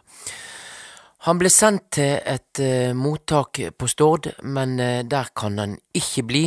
På senteret i Våla der hadde han eget rom med bad, og de eh, fikk servert mat i en kantine. På Stord der eh, deler han eh, hus med åtte andre mannlige asylsøkere, og de deler både bad og kjøkken. Det fungerer ikke, så eh, neste stopp blir et mottak som er tilrettelagt i forhold til å ha en funksjonsnedsettelse. Hvor neste stopp blir, det skal du få vite av Hilde, for hun har lovet en episode til i denne podkasten.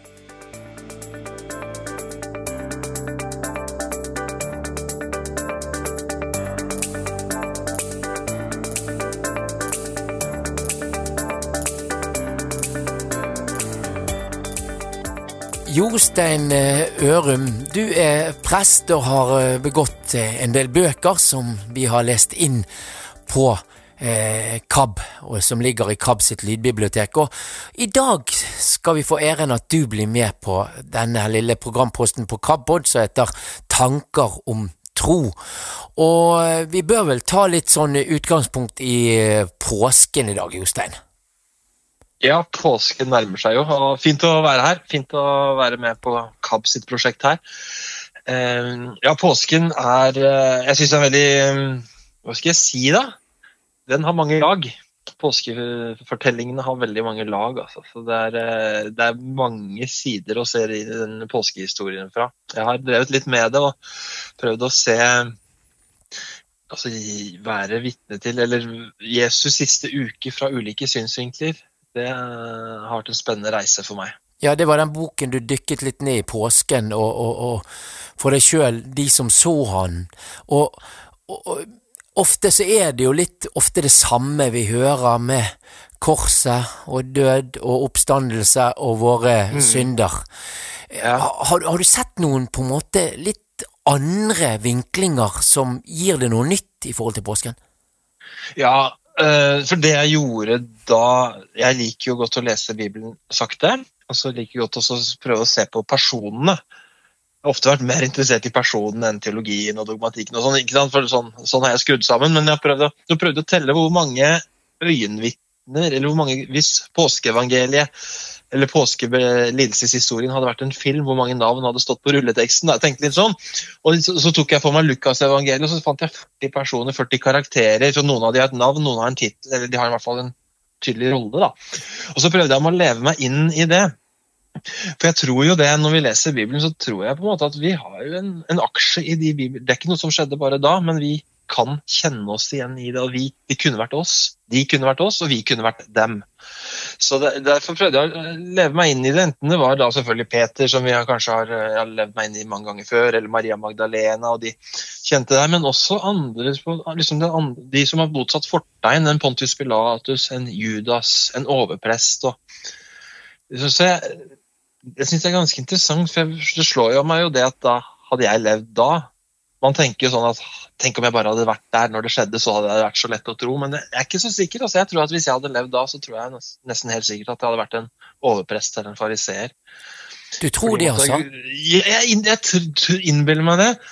De måtte altså, For det var så mye av det Jesus kom med som gikk imot det de hadde lært og trodd. Eh, de, de, måtte omstille seg. Altså, det, de krevde ganske mye omstilling for at de skulle forstå hvem Jesus er, tror jeg. Sånn som det står om noen av dem, Nikodemus og Josef og Arimathea er jo en av disse som på en måte var overprest og fariseer og satt i det høye rådet, men som likevel måte, likte Jesus, var venn med Jesus, hadde sympati for Jesus. Han, Josef ga jo til og med graven sin til Jesus. Altså Den graven som han skulle hatt selv, ga han bort til Jesus. Eh, så var det hans grav som var tom på påskemorgen. er ganske spennende person, Josef Arimathea. Og, men, men, noen av de klarte det, altså, men de fleste klarte ikke å måte, få skrudd om den bryteren i hodet som skjønner at det er han her vi alltid har venta på. Det er han her det står skrevet om i Gammeltestamentet osv. Nå skal vi gå inn i, i påsken etter hvert, og, og hva tenker du at vi skal eh, fokusere på? Eh, og det er et fint spørsmål. Um, det som jeg Det er jo Hva skal jeg si Som oppladingstid til fas, påske så er jo denne fastetiden kanskje den tristeste i manns minne. Det er jo veldig eh, et mørke over verden. Da. Så det jeg tenker på da, når jeg går til påskefortellingen igjen nå, det er jo at det vi må huske på når vi leser påskefortellingen jeg tror For å på en måte skjønne påskefortellingen i Bibelen, så tror jeg vi må skjønne at det, det, vi sitter her og kan liksom slutten, men det er jo bare helt på slutten, helt på slutten av fortellingen at måte, ligningen går opp. og altså er, Langfredag er jo på en måte Det er ikke noen grunn til å ta seieren på forskudd på, på langfredag og påskenatt. Når de damene, damene sitter og de står ved korset og de, de ser ikke på klokka og tenker ja, da er det bare et par døgn igjen, så blir dette kjempebra. Eller når de sitter på påskeaften og, og, forbereder seg liksom til å gå til graven neste morgen. Det er jo ikke sånn at 'nå er det like før, eh, jenter'. Det er ikke sånn. For de er jo triste. For dem er jo verden Altså håpene knust. og det er knapt så de har noen uh, morgendag i vente. Veldig mye av påskefortellingen er jo, er jo det som enda ikke er oppfylt. Altså alle som fått, nei, alle spørsmålene som ikke har fått sitt svar. Gåtene som ikke er løst. Ikke så, så midt i det er spennende mellom langfredag og påskedag, så er det liksom et Mange av oss mennesker tenker at det er stort sett der vi lever livet vårt. Liksom blandingen av lys og mørke. Mens vi tror, kanskje da altså Når vi husker på det, vi tror at det skal bli noe fint en dag. Men det, det ja, altså den morgenen som de kommer til eh, på påskemorgen, den graven som er tom. og den, den, Når vi snakker om påskemorgen, det var jo liksom ikke noe, de, de, visste ikke at det skulle komme. Det var vanskelig å tro på det når du sto midt oppi det. Altså, tenk på det i den verden som vi lever nå. Det er jo på en måte mange av de spørsmålene altså, Det er lett å glemme hva Jesus har sagt. Det er lett å og, det er liksom som steinen er rulla for grava igjen, føler jeg. I, altså det er Gud er Hvor er Gud i det som skjer i verden? Hvor er håpet nå? Hva, vi er jo veldig usikre på hva som skjer. Hva er, er, dette begynnelsen på noe stort? Er det, er det en forbigående storm i, i verden, eller, eller, hva er det, liksom? Og Det er også en del av påskebudskapet å ikke å være i det spennet da, mellom det som ikke er bra, og det vi håper skal bli bra. Men du ser eh, der, der, med påsken og, og, tilgivelse og alt dette, der ja. lurer jeg litt på nå, sånn som tiden er nå. sant? Altså, mm. Folk sitter i, i, Ukraina og flykter og blir bombet. Vi har eh, folk som har vært og blitt blir vanskjøttet i, i Moria og så videre, sant? og reiser med båt for å Mm, bedre ja, liv ja. og, og, og, og Ja. dør underveis. Eh, og dette er ren ondskap fra noen mennesker som gjør det. Og så tenker jeg da, for det første, hvordan hvis Gud er allmektig, hvorfor stopper han ikke det og aksepterer det? Og så syns jeg det er veldig spesielt òg det der at eh, disse menneskene kan bli tilgitt akkurat som meg. Det der får ikke jeg til å gå opp. Nei, eh, det er vel en ligning vi, et regnestykke vi ikke helt trenger å få til å gå opp, kanskje. Ja, hva tenker du om det, da? Eh, Men, men jeg tenker at um, dette med tilgivelse vet jeg på en måte ikke noe om, og det er Gud som, hvem som er tilgitt, og hva som skal, hvordan vi må Ja, hvordan Det, det er jo hver enkelt sak med Gud, tenker jeg. Og, men jeg, jeg tror jo at Jesus har dødd for all verdens ondskap, og det er det som er noe av det grensesprengende her. At det, er, eh, at det er på en måte sånn sett ingen ondskap som det i prinsippet ikke er plass til hos Gud. Men så, hvis man Hva da hvis man ikke på en måte angrer og kommer til eh, den erkjennelsen av f.eks. han røveren på korset som henger ved siden av Jesus på korset ved siden av Jesus og sier bare 'husk på meg'. Altså Han skjønner han skjønner at han har levd et feilslått liv, og Jesus er det håpet som på en måte veier opp hans eget mislykka liv. Da. Men det er ikke alle som kommer til den erkjennelsen, selv om de har gjort gale ting. Hans kollega på andre siden av Jesus på korset, han, han kommer jo ikke til den samme erkjennelsen, og han får heller ikke høre det samme som Jesus eh, sier til han ene, at du skal være med meg i paradis. Så, så det, tilgivelse er på en måte Guds sak. Altså, men hvordan kan det skje? Altså, verden er jo ikke god, og Gud tror vi er gode. Så det er, eh, det er jo et av de store spørsmålene som har hjemsøkt menneskene. Men jeg, vi må tilbake til skapelsen her for å kunne gi et meningsfullt svar på det. Og hva er kjærlighet? Jo, Kjærlighet er hvis jeg, jeg, har, jeg har fire barn. Altså, Hvordan kan jeg best vise dem min kjærlighet? Det er jo kanskje å la dem stå fritt. Og la dem rett og slett gjøre dumme ting. Eh, nå er jo de i en fase hvor de skal velge sant, de store valgene i livet. Hva skal jeg bli, hva skal jeg studere og sånne ting. Og jeg må jo, de må jo få velge selv og hvordan de bruker livet sitt. Og det er eh, Jeg er med dem i det. Jeg, jeg støtter dem og på en måte går ved siden av dem og vil formidle at jeg er glad i dem gjennom det, men det er, jeg kan til syvende og sist så er det bestemmer jo de hva de skal gjøre med kjærligheten og friheten de har fått. Og sånn er det vel egentlig med oss mennesker. og hadde vi, Hvis Gud hadde gått inn og stoppa alle sånne ting, så jeg vet ikke om det hadde vært en troverdig kjærlighet. jeg. Eller om det har vært Guds maskin, liksom skaperverksmaskin, som han styrer uansett. Så det er noe av det rare. Noe av det rare med Gud, noe av det grensesprengende, at uh, kjærligheten setter fri. Og det betyr samtidig, enten vi liker det eller ei, setter fri til å gjøre helt riv ruskende gale ting. Dette er påsken, Jostein Ørum. Det er jo det. Jeg tenker at dette er det fantastiske og gåtefulle og nydelige med påsken. Ett av flere lag. Mm, det er det. Det var Jostein Ørum, det. Eh, Sjekk han gjerne ut, altså. Han har skrevet en veldig spennende påskebok som vi snakket om der, og Kabba leste inn flere bøker av han. Ehm, nå beklager jeg veldig at det ikke blir en påskesang her til slutt, men det er noen tekniske problemer jeg ikke klarte å komme rundt i forhold til det i dag. Så den sangen den får du ta sjøl, eventuelt i dusjen eller i stuen. Det får du bestemme helt sjøl. Jeg eh, minner om at du kan eh, sende e-post både til eh, KAB og til meg hvis du har noe ros eller ris eller ønske om hva vi skal ta opp. Da vil jeg si tusen takk for at du har blitt med på denne reisen, og jeg ønsker deg en riktig god påske. Så får du eh, litt sånn stoff fra KAB, hva vi leser inn og sånt, i etterkant av dette programmet. I denne utgaven av KABpod så får du høre litt smakebiter fra Vårt Land, Adventnytt, som er adventistenes blad, Krigsropet fra Frelsesarmeen og Misjonstidene fra Det Norske Misjonsselskap. Disse publikasjonene og bladene kan du abonnere på i lydhør, slik at du får en, et blad hver gang det kommer et nytt et. Vi har flere blader som du kan abonnere på, det er helt gratis.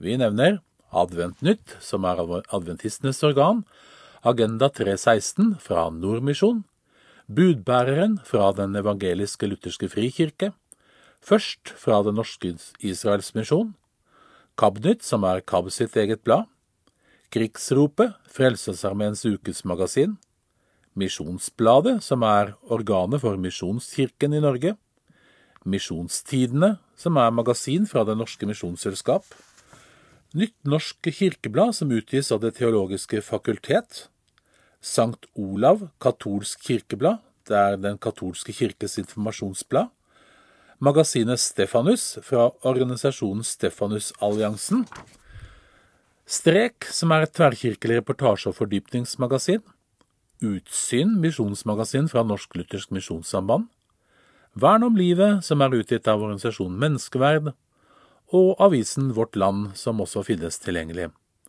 Gå inn på Lydhør eller i mappa mi, så finner du disse bladene og abonner på dem, eller ta kontakt med KAB, så skal vi hjelpe deg.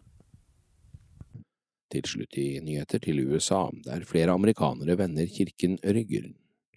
Forskning. Stadig flere i USA slutter å ta del i kristent menighetsliv. 35 prosent av amerikanerne mener religion gjør mer skade enn gagn. American Enterprise Institute offentliggjorde torsdag en forskningsrapport som viser at amerikanere i stigende antall snur ryggen til kristne menigheter. Nettavisen Christian Post melder at den såkalte generasjon Z, som er unge født fra midt på 1990-tallet til et lite stykke ut på 2010-tallet, har hatt helt andre erfaringer med religion i sin oppvekst enn tidligere generasjoner har hatt. Nå mener 35 prosent av alle amerikanere at religion gjør mer skade enn det gagner, mens hele 69 prosent av dem som har vokst opp uten religiøs påvirkning hjemmefra, sier religion skaper flere problemer enn det løser. Tidligere troende Rapporten tegner et bilde der den stigende motviljen mot aktivt religiøst liv er en effekt av den oppdragelsen tidligere troende foreldre har gitt sine barn.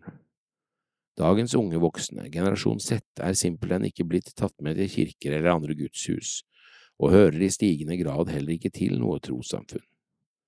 Rapporten Generation Z and the Future of Faith in America er forfattet av seniorforsker Daniel A. Cox. I tillegg til jobben ved American Enterprise Institute er han også direktør for Survey Center on American Life. Han tegner et komplisert bilde av amerikansk religiøsitet og hvordan religion spiller en stadig mindre rolle i amerikansk dagligliv. Unge voksne i dag har helt andre religiøse og sosiale erfaringer enn tidligere generasjoner, sier Cox til Christian Post.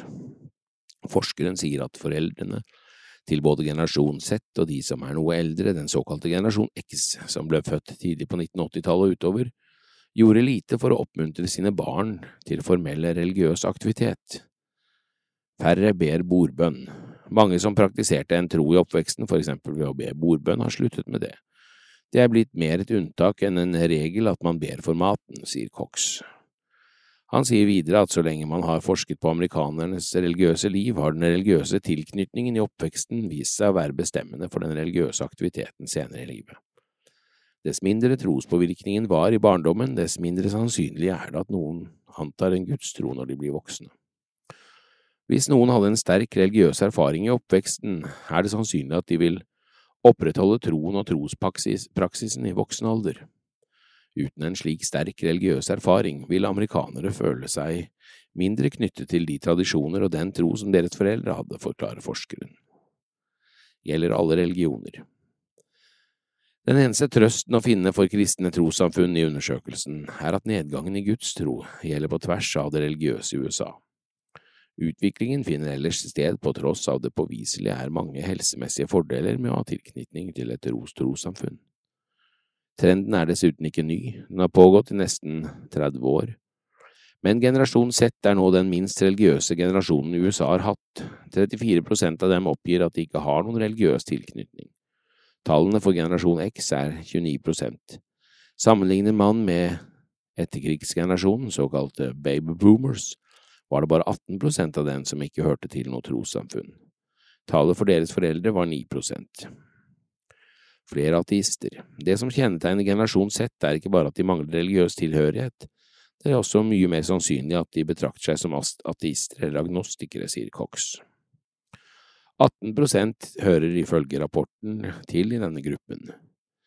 Til sammenligning var det bare 4% i førkrigsgenerasjonen som var ateister eller agnostikere. Den økende mangelen på Guds tro innebærer også at amerikanerne i minkende grad stoler på representanter for trossamfunnene. I 2021 meldte bare 37 prosent av amerikanerne at de hadde en betydelig eller stor grad av tillit til trossamfunnene. Det er en stor nedgang fra 2001, da 60 prosent sa de hadde betydelig eller stor tillit til dem. Mer enn halvparten av alle amerikanere mener fortsatt det er bra at barn får en religiøs oppvekst. Her viser tallene en økende polarisering, siden hele 82 prosent av dem som mangler tilknytning til et trossamfunn, mener det motsatte. Bare 40 av dem som hører til i generasjon Z, ser positivt på at foreldre gir barn en religiøs oppdragelse. Refleksjoner Det gjelder livet. Et notat om takknemlighet av Sigve Tonstad. Det gjelder livet. Det er tallenes klare tale i artikkelen som ved årsskiftet ble publisert i det britiske legetidsskriftet BMJ, British Medical Journal. I data fra 37 land ser man en massiv økning i dødelighet i 2020 i kjølvannet av covid-19-pandemien. De største utslagene i negativ retning er i Russland og USA. Estimert økt dødelighet for landene til sammen er 28 millioner excess years of life lost. Det gjelder bokstavelig talt livet. Unntaket i denne statistikken er land som Norge, Danmark og New Zealand. I disse landene er det ingen økt dødelighet. Tiltakene mot pandemien har vært effektive og har også hatt ringvirkninger for andre dødsårsaker. Her er tre refleksjoner med utgangspunkt i ovennevnte. 1. Den som bor i Danmark eller Norge har grunn til takknemlighet.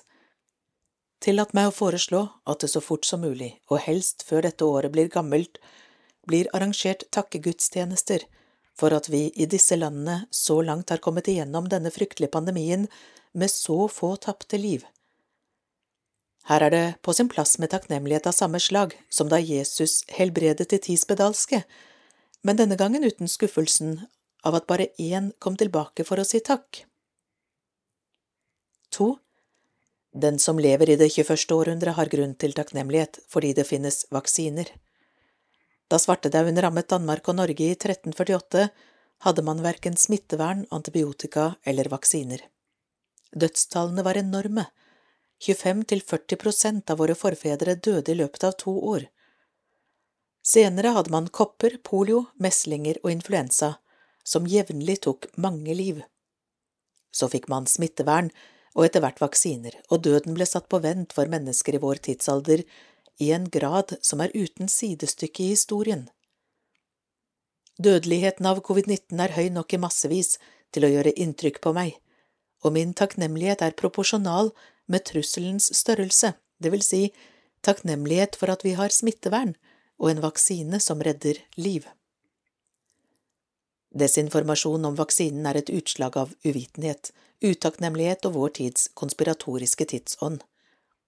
Det er sant om vaksinen at fragmenter av RNA som benyttes i Biontech og Moderna-vaksinene, er i stand til å gi en beskyttende immunrespons mot covid-19-viruset, men det er ikke sant, det er ettertrykkelig usant at det fører til en permanent endring i den vaksinertes DNA. Genaktivering er en del av enhver biologisk aktivitet. Her har forskere lykkes i å kalibrere en beskyttende immunrespons med minst mulig risiko for den vaksinerte. Etter å ha holdt takkegudstjeneste fordi vi lever i Norge eller Danmark, foreslår jeg at man holder en egen takkegudstjeneste fordi vi lever i en tid som har effektive og trygge vaksiner. I takkegudstjenesten vil det være på sin plass å rette en spesiell takk til doktor Ugur Sahin og hans kone doktor Øslem Tureji, tyske forskere med tyrkisk bakgrunn. De utviklet basalfagkunnskapen som ligger til grunn for Biontechs vaksine, og så raskt en mulighet til å utvikle en effektiv vaksine på kort tid. Nok en gang faller det meg inn å tenke på Jesus og de ti spedalske, ti ble helbredet, men bare én kom tilbake for å si takk. Jeg ser fram til å høre at det i løpet av 2022 er avholdt to takkegudstjenester i norske adventistkirker, én for at man bor i et land med godt smittevern, og én fordi vi lever i en tid med effektive vaksiner. 3. Virusets opprinnelse og løpebane er en del av vår tids økologiske krise. Det må erkjennes, og det siste ord om dette er ikke sagt, enn si at covid-19 blir den siste pandemien i sitt slag. Michael Warroby, en forsker i Arizona, dokumenterte i november 2021 i tidsskriftet Science at det store flertallet av de første koronasyke i Wuhan hadde tilknytning til våtmarkedet, wet markets, i byen. Det betyr at SARS-CoV-2 ligger an til å ha samme forklaring som SARS-1 og MERS, som også er koronavirus. Disse virusene har flaggermus som sitt reservoar, reservoir host, et dyr som er forsterkende mellomvert, intermediate and amplifying host, og mennesker som endelig vertskap. Smittekjeden er sonotisk. et virus vi har felles med dyr, og årsaken er åpenbar. Vi har trengt oss inn på økologiske enemerker uten å imøtese konsekvensene. Det haster med å slå retrett. Akkurat nå er min glede stor og min forventning minst like stor til at det blir holdt takkegudstjenester i 2022 med ovennevnte begrunnelser. Jeg kommer til å være til stede så ofte det lar seg gjøre, og så mange steder som overhodet mulig. Sigve Tonstad er pensjonert lege, pastor og professor. Jesus forsto forskjellen mellom konspirasjoner og konspirasjonen med stor K. Han så det store bildet og forholdt seg til det. Var han oppmerksom på konspirasjonene som var i omløp rundt ham? Selvfølgelig var han det, men var han opptatt av dem? Tvert imot. Som vi har merket oss, brydde han seg lite om deres påståtte betydning når han satte dem opp mot hans eget og viktigere oppdrag og sin identitet. Det Jesus sa i en annen samtale med fariseerne, gir oss enda mer innsikt. Når dere har løftet menneskesønnen opp, skal dere forstå at jeg er, og at jeg ikke gjør noe av meg selv, men sier det som Far har lært meg, og Han som har sendt meg, er med meg. Han har ikke overlatt meg til meg selv, for det jeg gjør er alltid etter Hans gode vilje. Johannes 8, 27–29 Jesus hadde en helt konkret oppgave. Han levde et liv i uavbrutt tilbedelse og lojalitet, alltid med ønske om å glede sin far, og Jesus er vårt ufeilbarlige eksempel. Hva med oss? Er noen av dagens konspirasjoner virkelige? Utvilsomt. Er andre fantasifulle, spekulative og usanne? Absolutt. Ingen av disse svarene skulle være overraskende på en bibelsk opplyst kristen. Verden er en fallen verden. Korrupsjon, grådighet og urettferdighet er regelen heller enn unntaket som Paulus rådet den unge Timotius, men onde mennesker og svindlere vil gå fra vondt til verre. De fører vill og blir selv ført vill. 2. Timotius 3,13 Vi lever i en tid, ikke så ulik slik historien alltid har vært, hvor militær, økonomisk, sosial og institusjonell makt er konsolidert på få hender. Når det altså er slik, er konspirasjoner og urettferdighet noe vi må forvente. Vi bør ikke være overrasket over at uomvendte og skruppelløse mennesker streber etter makt og kontroll.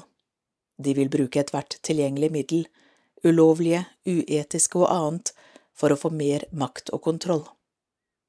Dette er den verden vi er en del av, men det er også denne verden Jesus kom for å opplyse og frelse. Ondskap er virkelig, men det er også rettferdighet, nåde og barmhjertighet. Jesus har etablert et rike på jorden basert på en urokkelig grunnvoll av Guds godhet og styre. Vi er kalt til å være jordiske borgere av det himmelske riket, å være i, men ikke av verden. Johannes 17, vers 11 og 14 til 16. Vi er kalt til å stå imot de bedragerske og alltid skiftende konspirasjonene med liten k, og huske, som Jesus selv gjorde, å kalibrere vår identitet og oppdrag til konspirasjonen med stor K. Lucifer startet en ond konspirasjon i himmelen. Han prøvde å så tvil om Guds kjærlige og rettferdige karakter og hans styre. Men Gud konspirerte for å vinne den krigen med kjærlighet. Sammendrag For å konkludere har du her noen enkle råd for å hjelpe deg å forholde deg til de konspirasjonsteorier du møter. 1. Som kristen, husk hvem du er og hvorfor du er her. Bevar et tydelig fokus på din gudgitte identitet og oppgave. Jesus visste hvem han var og hvorfor han var her, jf. Lukas 1910, Matteus 2028. Videre, ha i tanke at Jesus var så fokusert og dedikert til sin livsgjerning at han tidlig i 30-årene kunne si Jeg herliggjorde deg på jorden da jeg fullførte den gjerning du ga meg å gjøre. Johannes 17,4 2. Hold det store bildet stort. Ja, noen konspirasjoner kan være mer enn bare teorier, men som bibeltroende bør vi ha hovedfokus på den store konspirasjonen mellom godt og ondt. Dette er den eneste konspirasjonen vi bør være opptatt av. Tre. Å være besatt av påstander og spekulasjoner om ting som ikke kan etterprøves, vil bare føre oss ned i et hull det er vanskelig å komme seg opp fra. Ha i tanke menighetens profetiske kall og budskap. Som studenter av Daniel og åpenbaringen har vi nytte av å identifisere det som er ekte, og hva det egentlig handler om, og hva som ikke er viktig. Fire, tenk evangelistisk, ikke aggressivt. Vi er ikke kalt til å vinne argumenter, men til å vinne hjerter og sjeler til undre, skjønnheten og Guds rettferdighet, slik det er åpenbart gjennom Hans Sønn, vår Frelser, Jesus Kristus. Jeg synes Ellen White sa det best da hun summerte opp alle disse fire punktene i følgende uttalelse. Den er nyttig å ha i tanke, huske og dele. På en særlig måte er syvendedagsadventister satt i verden som voktere og lysbærere. Til dem er det betrodd en siste advarsel til en verden som er ved å gå fortapt. Over dem skinner et vidunderlig lys fra Guds ord. De er betrodd en gjerning av stor betydning, å forkynne den første, andre og tredje engels budskap. Der er ingen gjerning mer betydningsfull. De må ikke tillate noe annet å få deres oppmerksomhet. Ellen G. White, Evangelism, Washington DC, Review and Herald Publishers, 1946, side 119. Artikkelen ble først publisert i Adventist World i november 2021 og er oversatt av Reidar Olsen. David Asterik er en av grunnleggerne av bibelskolen Arise og samarbeider med Ty Gibson i Light Bearers. 100% ekte. Hiphop-legenden André Hadeland har elsket poesi siden moren leste André Bjerke for ham på sengekanten. Nå rapper han diktene til barndomshelten på skoler og i fengsler. Tekst Marit Dele Johannessen. Kapellet er opptatt, dere kan ikke gå inn dit. Fotografen fra Frelsesarmeen møter en stengt dør i Hallen fengsel, til tross for at hun har booket fengselskapellet for lenge siden. Nå dundrer tunge rytmer ut bak dørene, hun må bare belage seg på å vente. Men så står han der med et bredt smil, rapperen André Hadeland eller Son of Light. Det er så fint å gjøre en meningsfull jobb og få bidra med noe til de innsatte. Jeg håper at folk kan drømme seg litt vekk den tiden vi er der, og at de får en pause før hverdagen innhenter dem. Små vinduer er noe vi alle trenger, sier den tidligere stjernekampdommeren. Han er hyret inn av Kulturdråpen, et prosjekt som sørger for at mennesker på rusinstitusjoner og dagsentre, i ettervern og i fengsler, får et kulturtilbud. Det er ikke første gang han bidrar bak murene. André Hadeland har vært leid inn flere ganger for å tilføre motiverte innsatte noe innovativt musikalsk. Det har vært helt fantastisk å jobbe med mennesker som har en unik erfaringsmasse. Jeg vil gi dem noe ekstra, gi noe positivt til dem som trenger det, mennesker som har satt seg i eller havnet i mørke situasjoner. Kanskje er de et produkt av noe. Han vil for all del ikke troppe opp i solbriller og Gucci-belte og skape avstand til fengselspublikummet. Det han formidler, skal ha dybde. Vi begår alle feil, derfor forteller jeg litt om låtene, for eksempel at en handler om at jeg ikke var en god person i et tidligere forhold. Brutalt ærlig, kanskje? André innrømmer at han har gått en vei. Jeg har prøvd å være på en viss måte, men etter hvert er det mange filtre som forsvinner. Jeg jobber mot at alt skal være 100% ekte, sier han og pakker sammen. Lyset og mørket. Hele vårhalvåret holder han skolekonserter for å inspirere unge til å lese poesi. Et bestillingsverk fra Bjørnsonfestivalen. Poe, Ibsen, Blake og Bjørnson tolkes på nytt med rytme og flow når André og DJ-produsenten Eirik Blosternes inntar scenen. André Bjerkes morovers får raske føtter å gå på, og hvorfor ikke la samfunnsrefseren Bjørnson bunche oss opp, som rappartisten foreslår. En blank vinterdag har de et pusterom og tar turen opp i Kulturtårnet på Økern i Oslo, til lydmann Daniel Wold studio. Den gamle kabelfabrikken er kledd i rust, men innsiden åpenbare lekre lokaler i retrostil. Wow, stønner André, imponert over både utsikt og interiør. Dette er det flotteste musikkstudiet jeg noen gang har vært i, sier han, og slår seg ned i en stilere enn sekstitallssofa. Han blir ikke sittende stille. Hele André er rytme. Han snakker med kroppen, hendene er sjelden i ro. Snart er han ute med ny soloplate, Light, den første på ti år. Hiphoperen har ikke ligget på latsiden. Som mentor for utallige unge rappere har han spilt inn plater og vært med i en rekke band. Så hva vil han formidle? tanker, inntrykk, det som kommer inn. Jeg er en abstrakt artist og lar meg ta dit inspirasjonen tar meg. Jeg har alltid vært opptatt av å skape egne rom. Når jeg har hatt en hit, er det tilfeldig. Mest av alt lager jeg musikk jeg liker selv. Den nye skiva mi handler mye om lyse, åpne følelser, og være mottakelig for det lyse. Det er så mye prat om angst for tiden, så jeg elsker å være kontrær. Jeg ville lage skiven ingen ventet på, men som alle trenger. Hva er lys for deg? Alt som tilfører energi og ikke stjeler den. Jeg er opptatt av kontrastene i livet, hvordan noe kan være to ting, både skummelt og fascinerende. Vi har kapasitet for både godhet og ondskap. André er ikke redd for å ta fatt i livets dypere spørsmål. Jeg er kristen, noe jeg valgte selv. Hele poenget med tro er at det er personlig og intimt. Egentlig vet jeg like lite som andre, men jeg har følt en tilhørighet til materialet, til det historiske. Det er rom for feilbarligheten i troen. Jeg tror Gud er tilgivende, men vi mennesker jobber også med å forbedre oss. Ekstra drivkraft.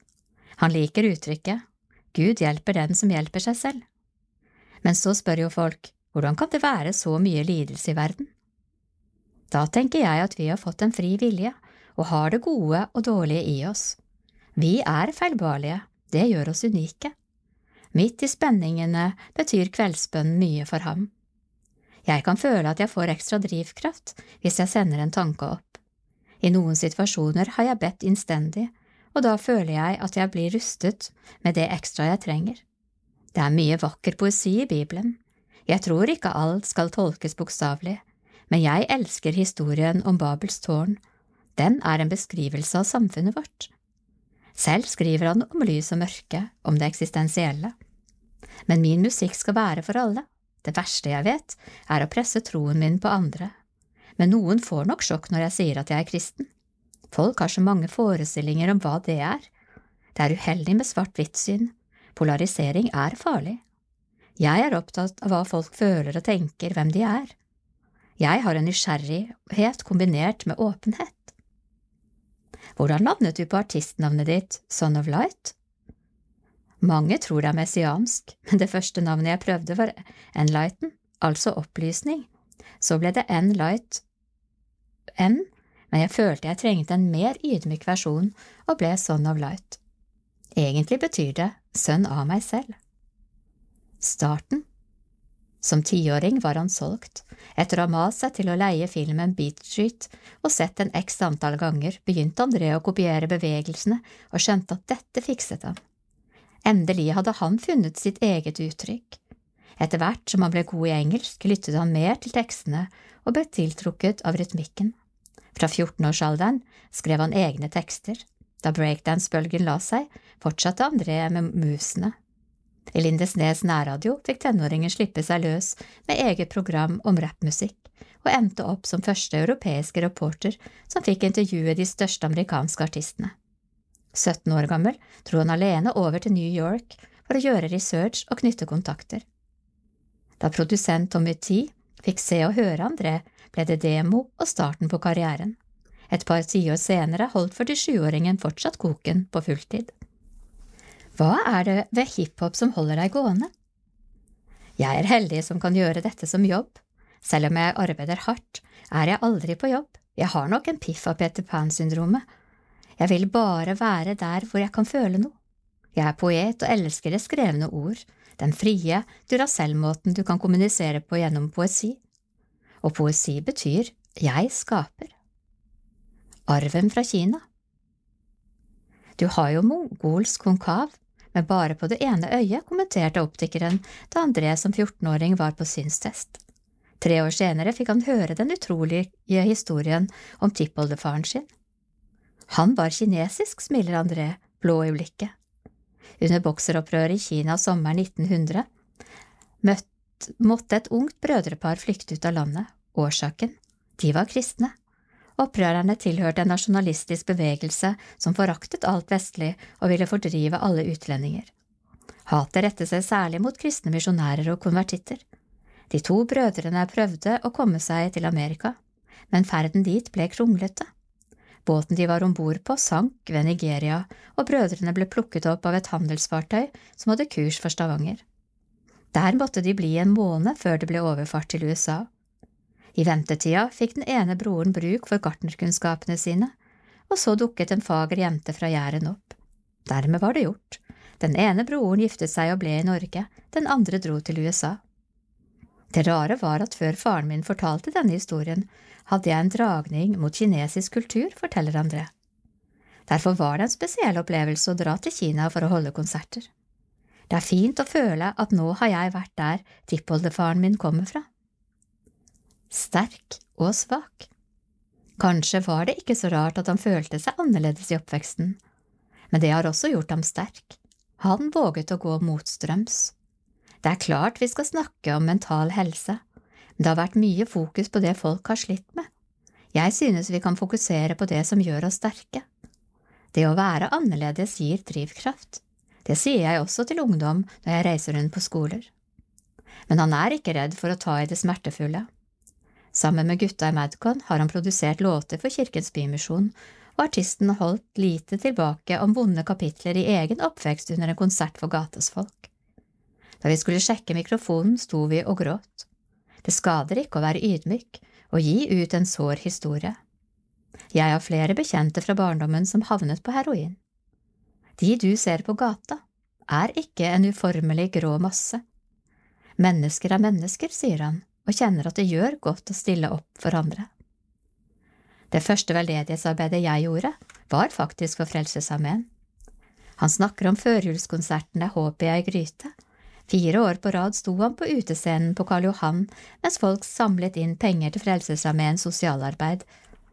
I 2022, frivillighetens år, stiller han gjerne opp for flere, men nå er det barn og ungdom som skal få en ny opplevelse. Neste år skal Son of Light ut på skoleturneen Rimetimen for å leke mer med ord, rytme og musikk. Det er her han føler seg hjemme, når han kan riste ordene løs, være litt vill og gal sammen med Bjerke og farmora og mormora den furia i furua.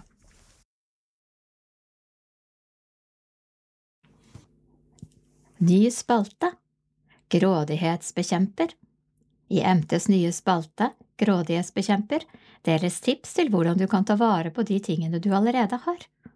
Grådighetsbekjemper er en bevegelse av mennesker som ønsker å ta et oppgjør med grådigheten i kulturen vår. Grådighet er et vidt begrep som rommer mye. Å være en grådighetsbekjemper handler om hvordan vi forvalter tid og ressurser, hva vi bruker penger på, og hvordan vi kan leve litt mer bærekraftig.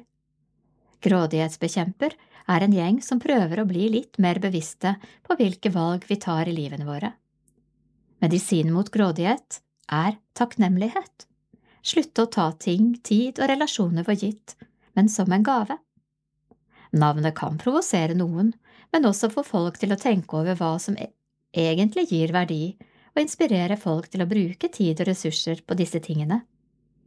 På Instagram-profilen alfakrøll gradighetsbekjemper deles tips til grådighetsbekjempelse flere ganger i uka.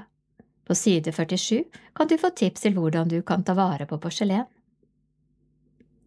Grådighetsbekjemper Christian Mjølsneset er med i bevegelsen som ønsker å spre takknemlighet og tips til hvordan vi kan ta bedre vare på det vi har. Krossvandring og håpsvandring Gå i Jesu fotspor mot krossen, og gå i lyset fra Jesu oppståe. To plakatserier med bilete og bibeltekster til inntekt for NMS sitt arbeid i Mali. Les mer sogndal.kyrkja.no.